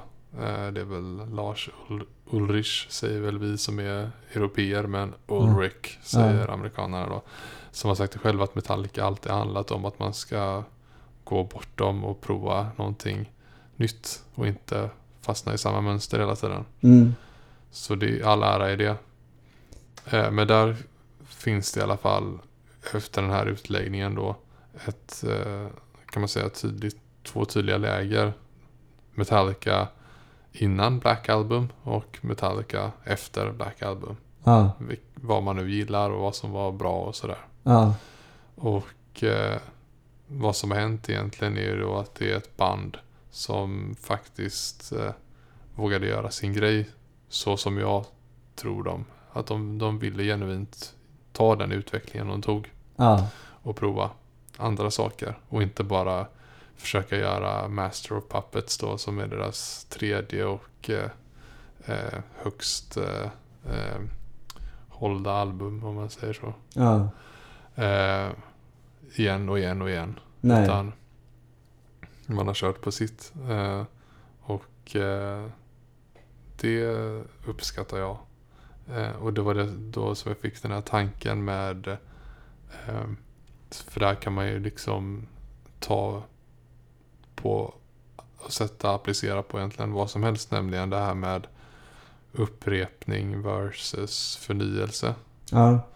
Och, vi, och det var det jag tänkte lite på det med Pokémon också. Att eh, visst, de gör ju sina Pokémon-spel, där Sword and Shield, Mm. eh, är ändå på något sätt, eh, nu har ju inte jag spelat det i och för sig, men så som jag har förstått det, så, och framförallt då kanske, vad heter det, Let's Go Pikachu eller Eevee, att man Ja. eh, kör på den gamla koncepten, men man ändrar lite saker hit och dit, Mm. men kärnan är densamma. Ja. Eh, eh, gentemot att man prövar nå- någonting helt nytt nu i alla fall för franchisen. Sen Ja. att man snor kanske ett annat koncept ifrån något annat. Mm. Men vad som blir intressant där tycker jag då till exempel i Metallicas fall. De som var kritiska till det här. Ja. Att de gjorde som de gjorde. Eh, och tog en annan typ av musikbana. Kanske tänkte, kan inte bara ha Metallica som spelar thrash metal. Ja. Och så kan ni ha ett annat band som spelar mer rock, radiomusik. Ja. Så ni kan hålla isär det ungefär. Eh, och så kan man ju tänka kanske om ett spel då också. Att eh, snälla kör på samma formel hela tiden. Mm. Och så kan ni ha, starta ett annat IP Mm. som, som gör det här andra som ni nu verkar ta spelserien till. Ja, exakt. Och det som blir intressant där tycker jag kanske är eh, vad går egentligen ens personliga gräns för vad som får rymma, rymmas inom eh, vad ska man säga, en spelserie. Ja. Jo, eh, jag, jag, nu när jag hörde dig prata om Metallica så ehm, jag har aldrig liksom riktigt lyssnat på dem själv så. Mm. Men man får ju ett intryck eh, eh, från bara höra dem i, på radio eller vad som helst. Mm. Eh, och så snackade jag med, eh, jag fick det påpekat för mig att, eh, alltså för jag har ju hört namnet Metallica men, och anså, då kan man ju lätt tänka sig att det är metal. Men eftersom jag mest hörde dem under 90-talet så har jag alltid tänkt, vadå Metallica är ett rockband, eller va? Iron Maiden är ett metalband. Mm. Det hör, jag hör skillnaden där också. Att det är så här jättemycket fokus på så här intensiv gitarr och solon och sådär. Metallica det är ju de som typ gör Nothing else matters och sånt. Ja. jag, jag reagerade så. Eh, och så, så insåg jag, aha okej de lät helt annorlunda förr. Eller ja. Ja. Och, och ehm, jag... Eh, nej, och det är ju någonting man ofta märker också inom musik. För den delen, eh, som du säger. Att jag har ju... Eh, jag har ju ett favoritband som jag nämnt några gånger. The Strokes. Och de hade ju den här situationen att de gjorde ett band som alla älskade. Eller ja, alla. Men väldigt många i alla fall. Uh, Is this it? Och sen eh, så ville väldigt många fans bara, kan inte bara göra det albumet om och om igen? Och det roligaste var att deras andra album var ganska likt det första. Då fick de först skit av många kritiker för att så här, ja, det här är bara att ni, samma sak igen. Och sen när de försökte göra något lite annorlunda, då var det, vad hände med det gamla soundet? och, ja, damned if you do, damned if you don't sådär. Men då eh, slutade det ju med att det just blev en del sidoprojekt. Eh, och så, som du var inne på det här att kan inte göra något annat och så. Mm.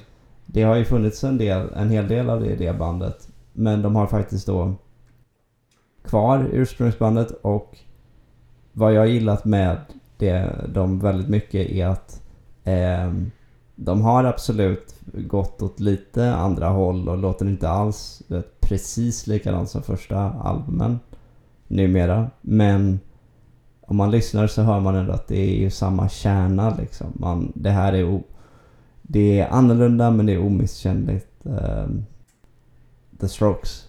Mm. Och det är det som jag tycker man ser även i spel då ibland. Att eh, du vet, Pokémon tar ju inga risker till exempel. Och det blir väldigt tråkigt. Mm. Och andra spelserier tar mycket större risker. Men jag tycker, eh, ja, där man vill att, det ska, att man ska känna igen kär- kärnan lite. Mm. Nej men... eh, Förstår vad du menar. Och... Eh, eh, Strokes råkar ju vara då ett band som du gillar väldigt mycket. För, för min eh, del så, nu tog jag Metallica bara för att jag tycker det är ett bra exempel också. Men det är ju, det är ju långt ifrån ett favoritband för min del. Mm. De är nog inte med på några listor sådär. För, om man ska se till eh, mina absolut personliga favoriter. Men eh, Jag- vet att eh, off mic, eller vad man ska säga, så Mm. har du pratat om ett band som just varit mer av ett favoritband för dig och som har lite en before det här albumet and after. ja, jag tror att du tänker på Coldplay kanske. Ja, Ja, det är också ett bra exempel. Jag hade kunnat ta dem eh, kanske som Ja. exempel nu med. Eh, jag gillade ju dem väldigt mycket för ganska länge sedan. mm. Eh, och det är ju inte så att deras första skivor då som jag gillar egentligen. Att de har blivit sämre. nej. Så är det inte. Men eh, så de gillar jag ju fortfarande såklart. Men det var väl för de som lyssnade på Coldplay. Så, eller känner till dem hyfsat. Det är ändå ett ännu mer kommersiellt band än Ja. Metallica. De skulle faktiskt ha uppträtt tillsammans. Jaha. Eh, och med de var jag kan inte alla de här. Jag är gammal gubbe nu men hon heter väl Billie Eilish eller någonting. ja. Det var egentligen eh, the shit från alla olika typer utav genrer skulle liksom gå samman för det var någon, tror det var någon mot världshunger eller någonting sånt där. ja. Men så blev det Corona eh, och så vidare. Men eh, eh, på tal om det där med att du får göra ett annat band. ja. För Metallicas del vet jag ju att det var ju så att de hade först eh, en, eh, jag tror han hette första basisten hette typ, och jag är inget Metallica-fan nu så nu, och jag har inte någon grej framför mig som kan rätta mig. Jag tror att första basisten hette typ Ron McGovney eller någonting. ja. Men eh, sen är det ju Cliff Burton som alla minns som faktiskt dog här i Sverige när deras buss välte efter att ha spelat i, Oj. i. Stockholm. Den historien har jag missat men... Ja, okej. Ja, det var... För att gå in på det så... Eh, de bandet tydligen... Eh, efter spelningen de skulle gå och lägga sig då. Så har de sådana bunkbeds. Så då drog de eh, sticka i bussen. Och vem Ah. som... Den som drar längsta stickan får välja. Och då drog eh, Burton längsta stickan och då sa han ja då tar jag Hammett, alltså sologitarristens säng. Den är min. Haha, Ah. haha, nu är den min. Och eh, sen vaknar de då utav att busschauffören tappar kontrollen på bussen och den tumlar omkring. Och så flyger Burton. Alla andra klarar sig bra men Burton flög genom rutan och blev som det kallats pajlad utav bussen. Så han blev krossad under bussen. Och dog herregud på direkten. eh, ja, det jag har helt missat den historien men den är ju... Ja. Nej, det är hemskt. Ja, Eh. och eh, ja, en extra liksom morbid detalj det där då med att man liksom omedvetet valde sitt öde. Mm, Ehm, verkligen. nej, fy. Ja. Men Ja. det var inte det jag skulle berätta Nej. egentligen. Men i alla fall, vad, vad som hände där sen då var att de, när de kom, började komma på fötter igen så hade de audition för nya basister. Och eh, Les Claypool var faktiskt en av kandidaterna, alltså Primus, eh, sångare och basist. Som sjunger ledmotivet till South Park. Eh, han är vän med bandet då. Men det blev eh, Jason Newsted. Och eh, eh, som var med från och med då And Justice for All. Som kom efter den fjärde skivan. Och sen var han med ända fram till att de skulle börja med Saint Anger. Ja. Och eh, där valde han att hoppa av bandet. För att han ville egentligen göra en soloskiva också tror jag. Okej. Det här kan inte jag så bra faktiskt. Men eh, det var så och då hade Hetfield sagt att nej men vad ska du göra med det då? Ska du börja sälja skivor och eh, turnera på egen hand med det och så här. Alltså det är typ som att du är otrogen mot bandet. Ja. Eh, så antingen eller. Så Ja. då slutade han. Jo. Och eh, så det verkar i Metallicas fall verkar det vara väldigt mycket att det är Metallica som gäller och det vi gör är det vi gör.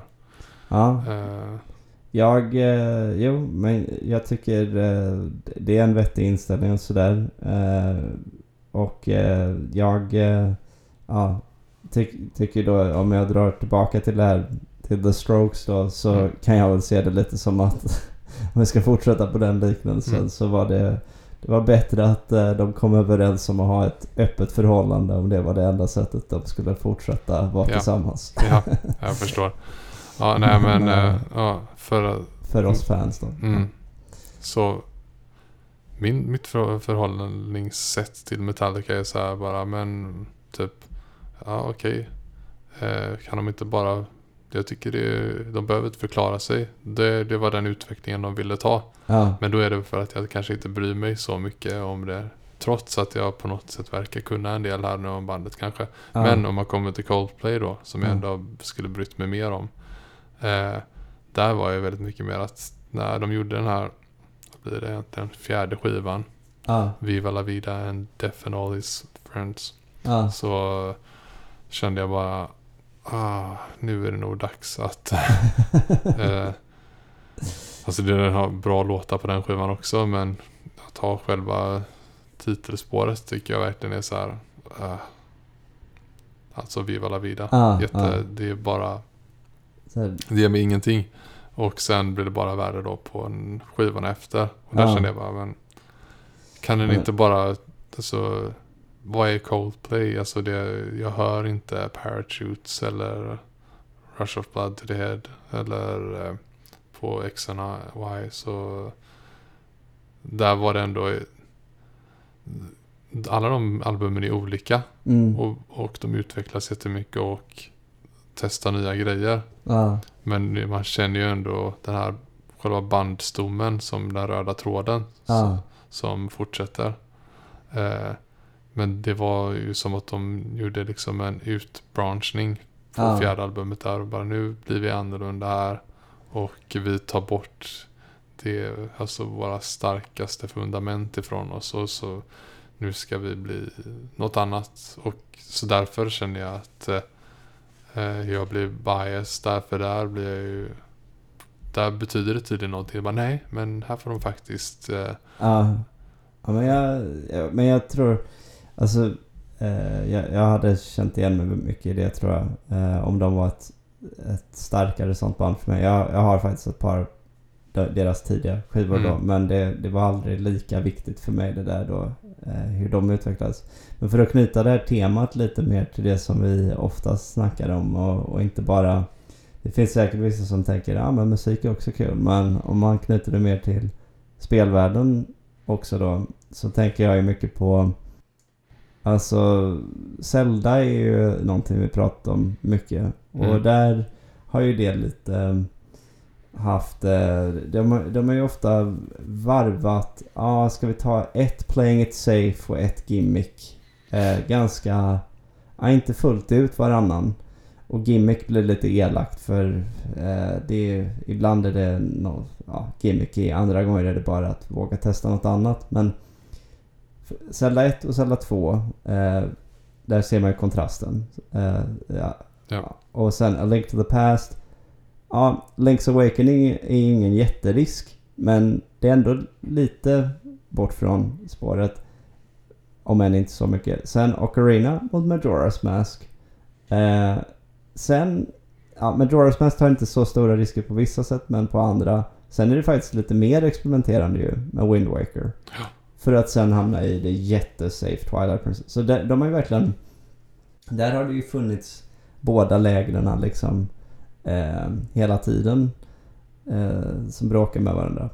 Och eh, jag kan väl bli lite rädd nu med, med Breath of the Wild att jag tyckte väldigt mycket om spelet men jag, jag vill inte att de ska tappa eh, Zelda-identiteten för mycket. Är du rädd att det ska gå för mycket mot uh, open world? Ja, exakt. För det var en jättebra öppen värld. Uh, jag gillade spelet väldigt mycket men pratade ju en del om det där att Dungeon-upplägget, att det var, kändes lite oinspirerat. Att du hade ingen egentligen särskilt tydlig eller vettig svårighetsprogression. Ehm, ja, att spelet kändes ungefär lika engagerande hela tiden. Vilket, vilket liksom betyder också att det fick inte samma toppar plötsligt heller. Eh, utan var bara en härlig upplevelse hela vägen utan berg och dalbanan. Så. Ja. Och då tycker jag lite det här att om det här nu är den nya standarden för Zelda och det bara kommer vara så jämnt så eh, så vill jag också ha det gamla Zelda fortfarande. Ja. det, Men det var väl lite tanken också då, som jag förstod det med Breath of the Wild. Eller det känner man ju av också att eh, de eh, ville fånga magin ifrån det allra första. Ja. Eh, jo. Och eh, nej men det blir väldigt konstigt att klaga på det på det sättet att jag tycker egentligen jättebra om spelet. Men ehm, men jag såg ändå den här, en annan kanal jag pratade om någon gång tror jag, Joseph Anderson eh, som gör långa critiques av spel och när han sammanfattade sin åsikt om Breath of the Wild som han överlag då tyckte väldigt bra om med Not, not enough Zelda. Så tycker han att det Mhm. känns. Ehm, och ja, men så, alltså visst, så länge man behåller det som på något sätt ska vara själen i spelen. Pusslen, utforskande. Eh, ja, egentligen så ska det väl även vara lite mer att man känner att man är del av en värld full av karaktärer och så. Det var väl det jag kunde tycka var jobbigast i Breath of the Wild. Att det är en stor öppen värld men utan jättemycket liv. Mm. Eh, och det var ju delvis medvetet då förstod man men ja, ändå. Eh, men vilka andra serier är bra exempel på sånt då? Ja, nej, men jag tänker även fortfarande i Zelda att eh, att man kör så stenhårt på att det alltid är Link man ska spela Ja, och se till spelet Zelda. Det är en Ja. sån gammal grej. Men alltså Zelda har ju fått mer och, och mer utrymme ja, med tiden.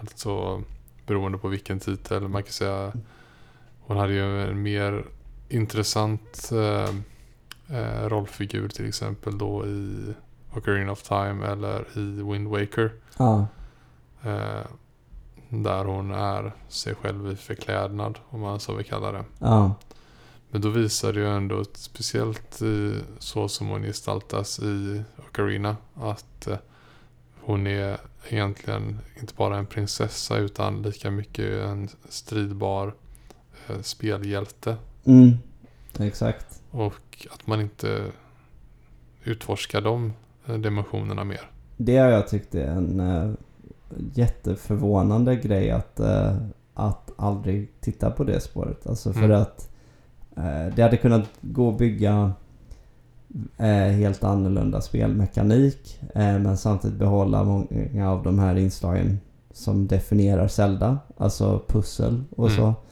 Eh, men liksom att du hade både kunnat ha då lite magikeraktigt då eftersom Zelda är mer sådär ja men just har magi. Men det hade kunnat gå åt andra håll också. Det här som att ja, Chic och... Ja, det hade kunnat bli mycket mer utav det som du kanske gillar. Med åt eh, Spiderman-hållet med henne. Efter i och med att hon är så extremt atletisk Ja, och akrobatisk. exakt. Mycket mer eh, sådana saker. Ja, och eh, nej, det är också en, eh, en extra förbryllande grej eftersom eh, ja, alltså det, det ligger ju definitivt i tiden att lyfta fram fler kvinnliga hjältar. Så varför inte i det här läget när det också känns som en given grej länge? Ta befintliga också. Så att man inte bara... Så det inte blir som i South Park. Att man hittar på en karaktär som heter just Strong Woman. Mm. Och så... Och Nej, hela det- hennes styrka är att hon är en kvinna. Alltså det är ju... Nej, det här är ju en karaktär alla liksom eh, lärt känna genom alla år. Och, Mm. och som... Jag har ju pratat med många andra Zelda-fans som tänkt så här. Hade det inte varit ganska coolt att få styra henne istället? Och så kommer man ifrån den här formen lite.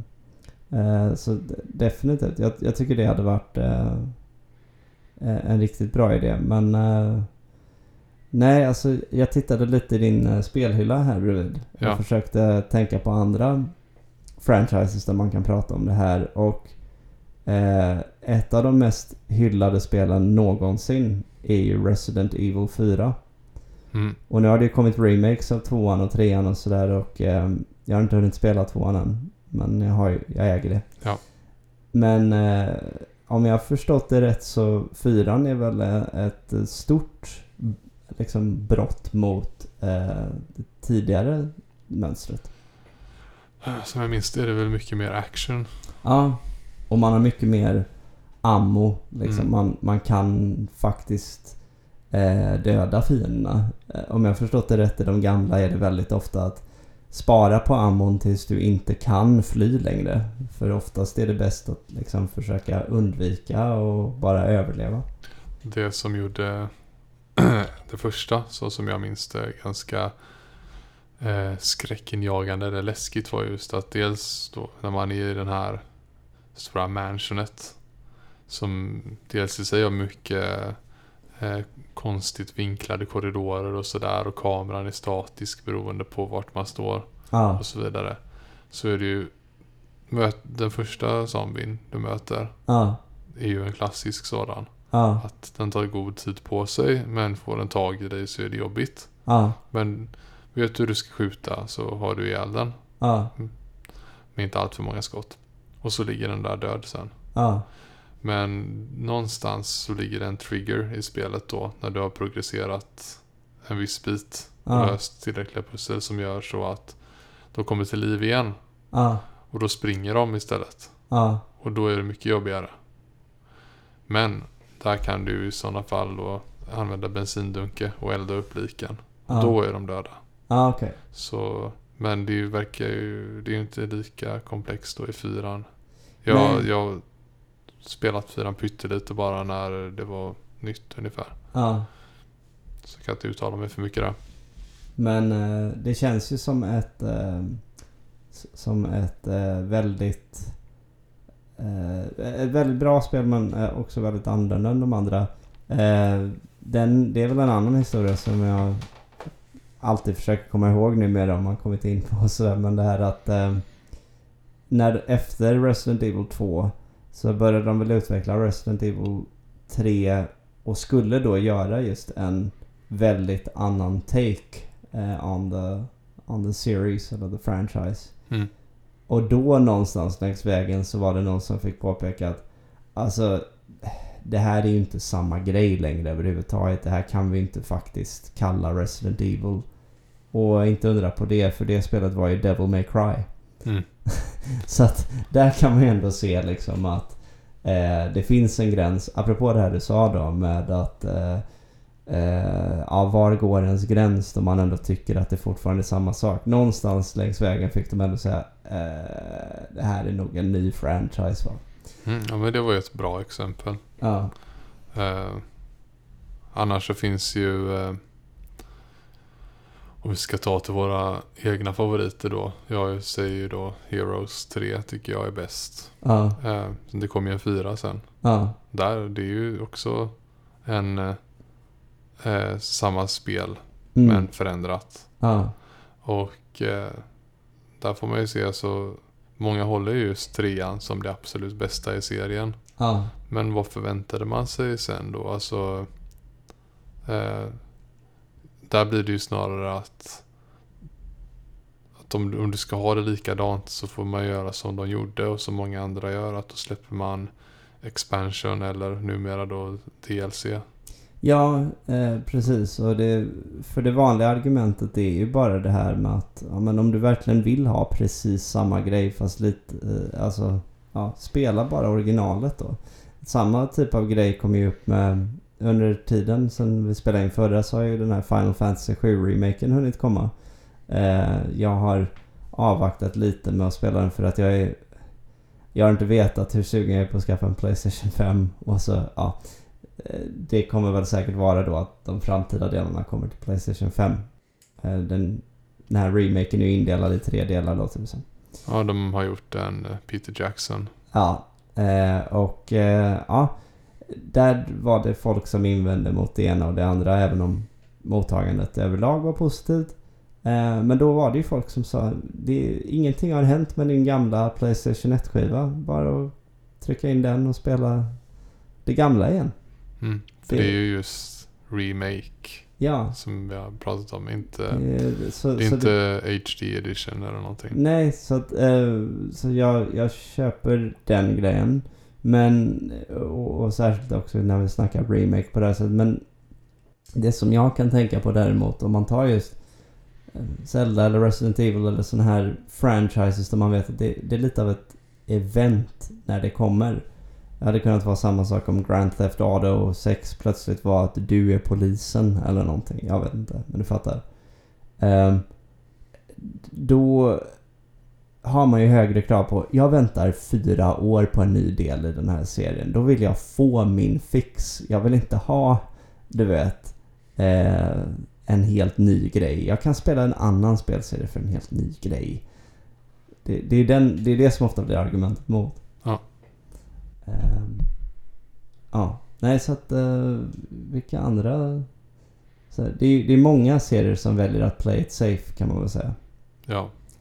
Uh, Castlevania var ju en sån som valde att play it safe väldigt länge. Sen när den väl rebootades då var det liksom... Då gick den från 2D till 3D och... Ja, helt nya grejer. Um, så då, men det blir lite det här att Logiken är väl att man vill utnyttja franchisens namn och varumärke och det är därför man inte bara kallar det en ny serie. Uh, Men det kan vara lite frustrerande när det är så vad snackar du om? Det har ju visst kommit ett nytt Castlevania nyligen och så, så Ja, jo fast det, det är inte det jag tycker är Castlevania. Mm. Eh, Så... eh, Ja.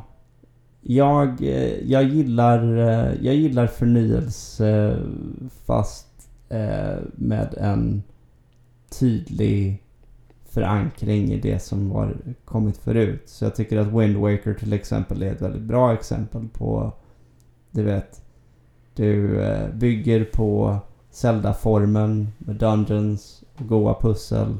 Men du gör ändå en rejäl twist i att världen är ett hav istället för ett, ett stort fält. Ja. Eh, ja, de, den typen av risker, det tycker jag om. Men kanske inte låt Så- oss reboota från grunden. Nej, så egentligen vad man vill ha är någon form av gradient eller någonting. Ja, det, det upplever jag mer. Jag är inte den som hör, du vet. Ah, ska de göra något totalt nytt? Yes. Eh, men, eh, ja. Hur var det? Gick vi in på det som... Diablo 4, vad kände du inför den revealen? Eh, För länge sedan. Ja, men du, du pratade om det. Jag kommer inte ihåg exakt men vi har bara sett uh, Cinematic va? Ja, Men då kändes det som att eh, man eh, som jag minns det mycket mer andan ifrån eh, tvåan. Den Ja. tidigare.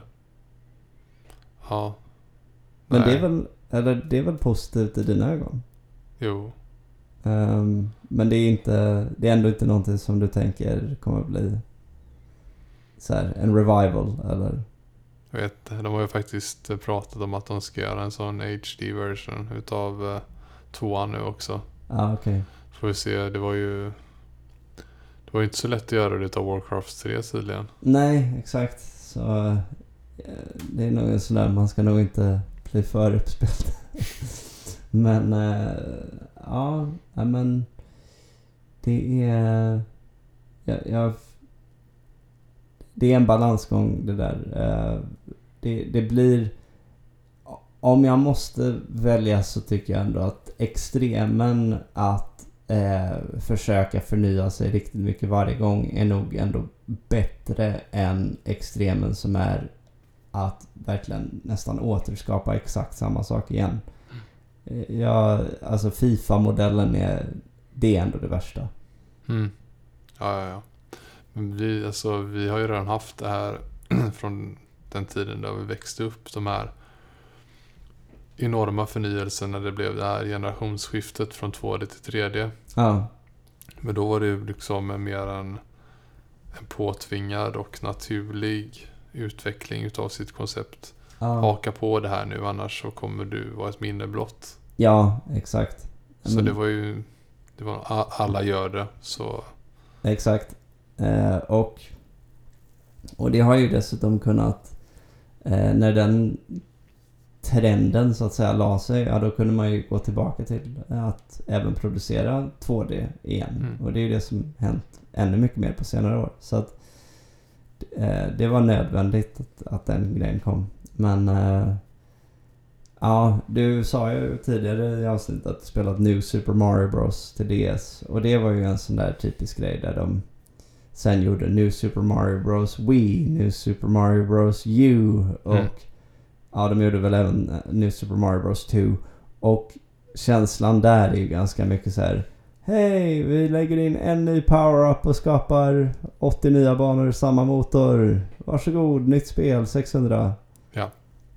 Det är lite, I mean, det, är- det är så här, lagom eh, peppande ifrån en eh, franchise som annars är bäst på det där. Att ta nästa steg och samtidigt bibehålla känslan. Ja, exakt. Eh, för då känns det som att... Eh, där tycker jag ändå att de hittat en, en bra grej. Sen i och för sig, men jag har inte tilltalats alls av Super Mario Maker. För jag vill inte bygga banor.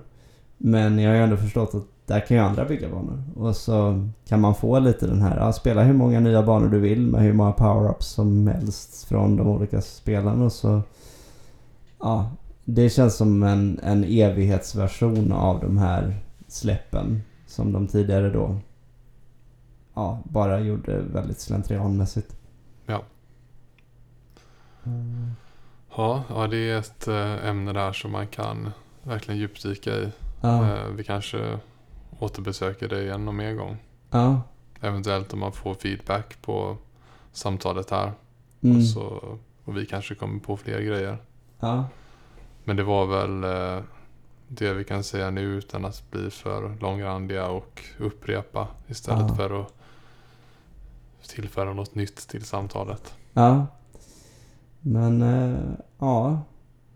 Frågan är vad vi... Eh, vi får eh, ta det lite som det kommer här, vad man ska hitta på eh, till nästa gång. Mm. These are strange times indeed. Ja, alltså som ni kan förstå så är det ju topplistan finns ju säkrad i sig. Ja, Den kommer ju kunna fortsätta. apropå det- temat vi precis pratade om, hur mycket vi ska förnya oss och upprepa oss. Så kan vi alltid ha den här bra mixen att upprepning kommer i form av topplistan i alla fall. Ja. Och eh, sen får vi se då vad vi kan eh, stoppa in efteråt. Mm. Det går ju bra att lämna önskemål och sådär. Annars så klurar vi säkert ut något om vi inte redan har det. Ja. Eh, ja, och med det sagt så var det avsnitt 27. Mm. För det har vi inte sagt kanske. Nej. Även fast det borde vara underförstått. Ja. Eh, ja, men vi, eh, vi ses nästa gång. Ja, det gör vi. Ha det bra. Ha det bra.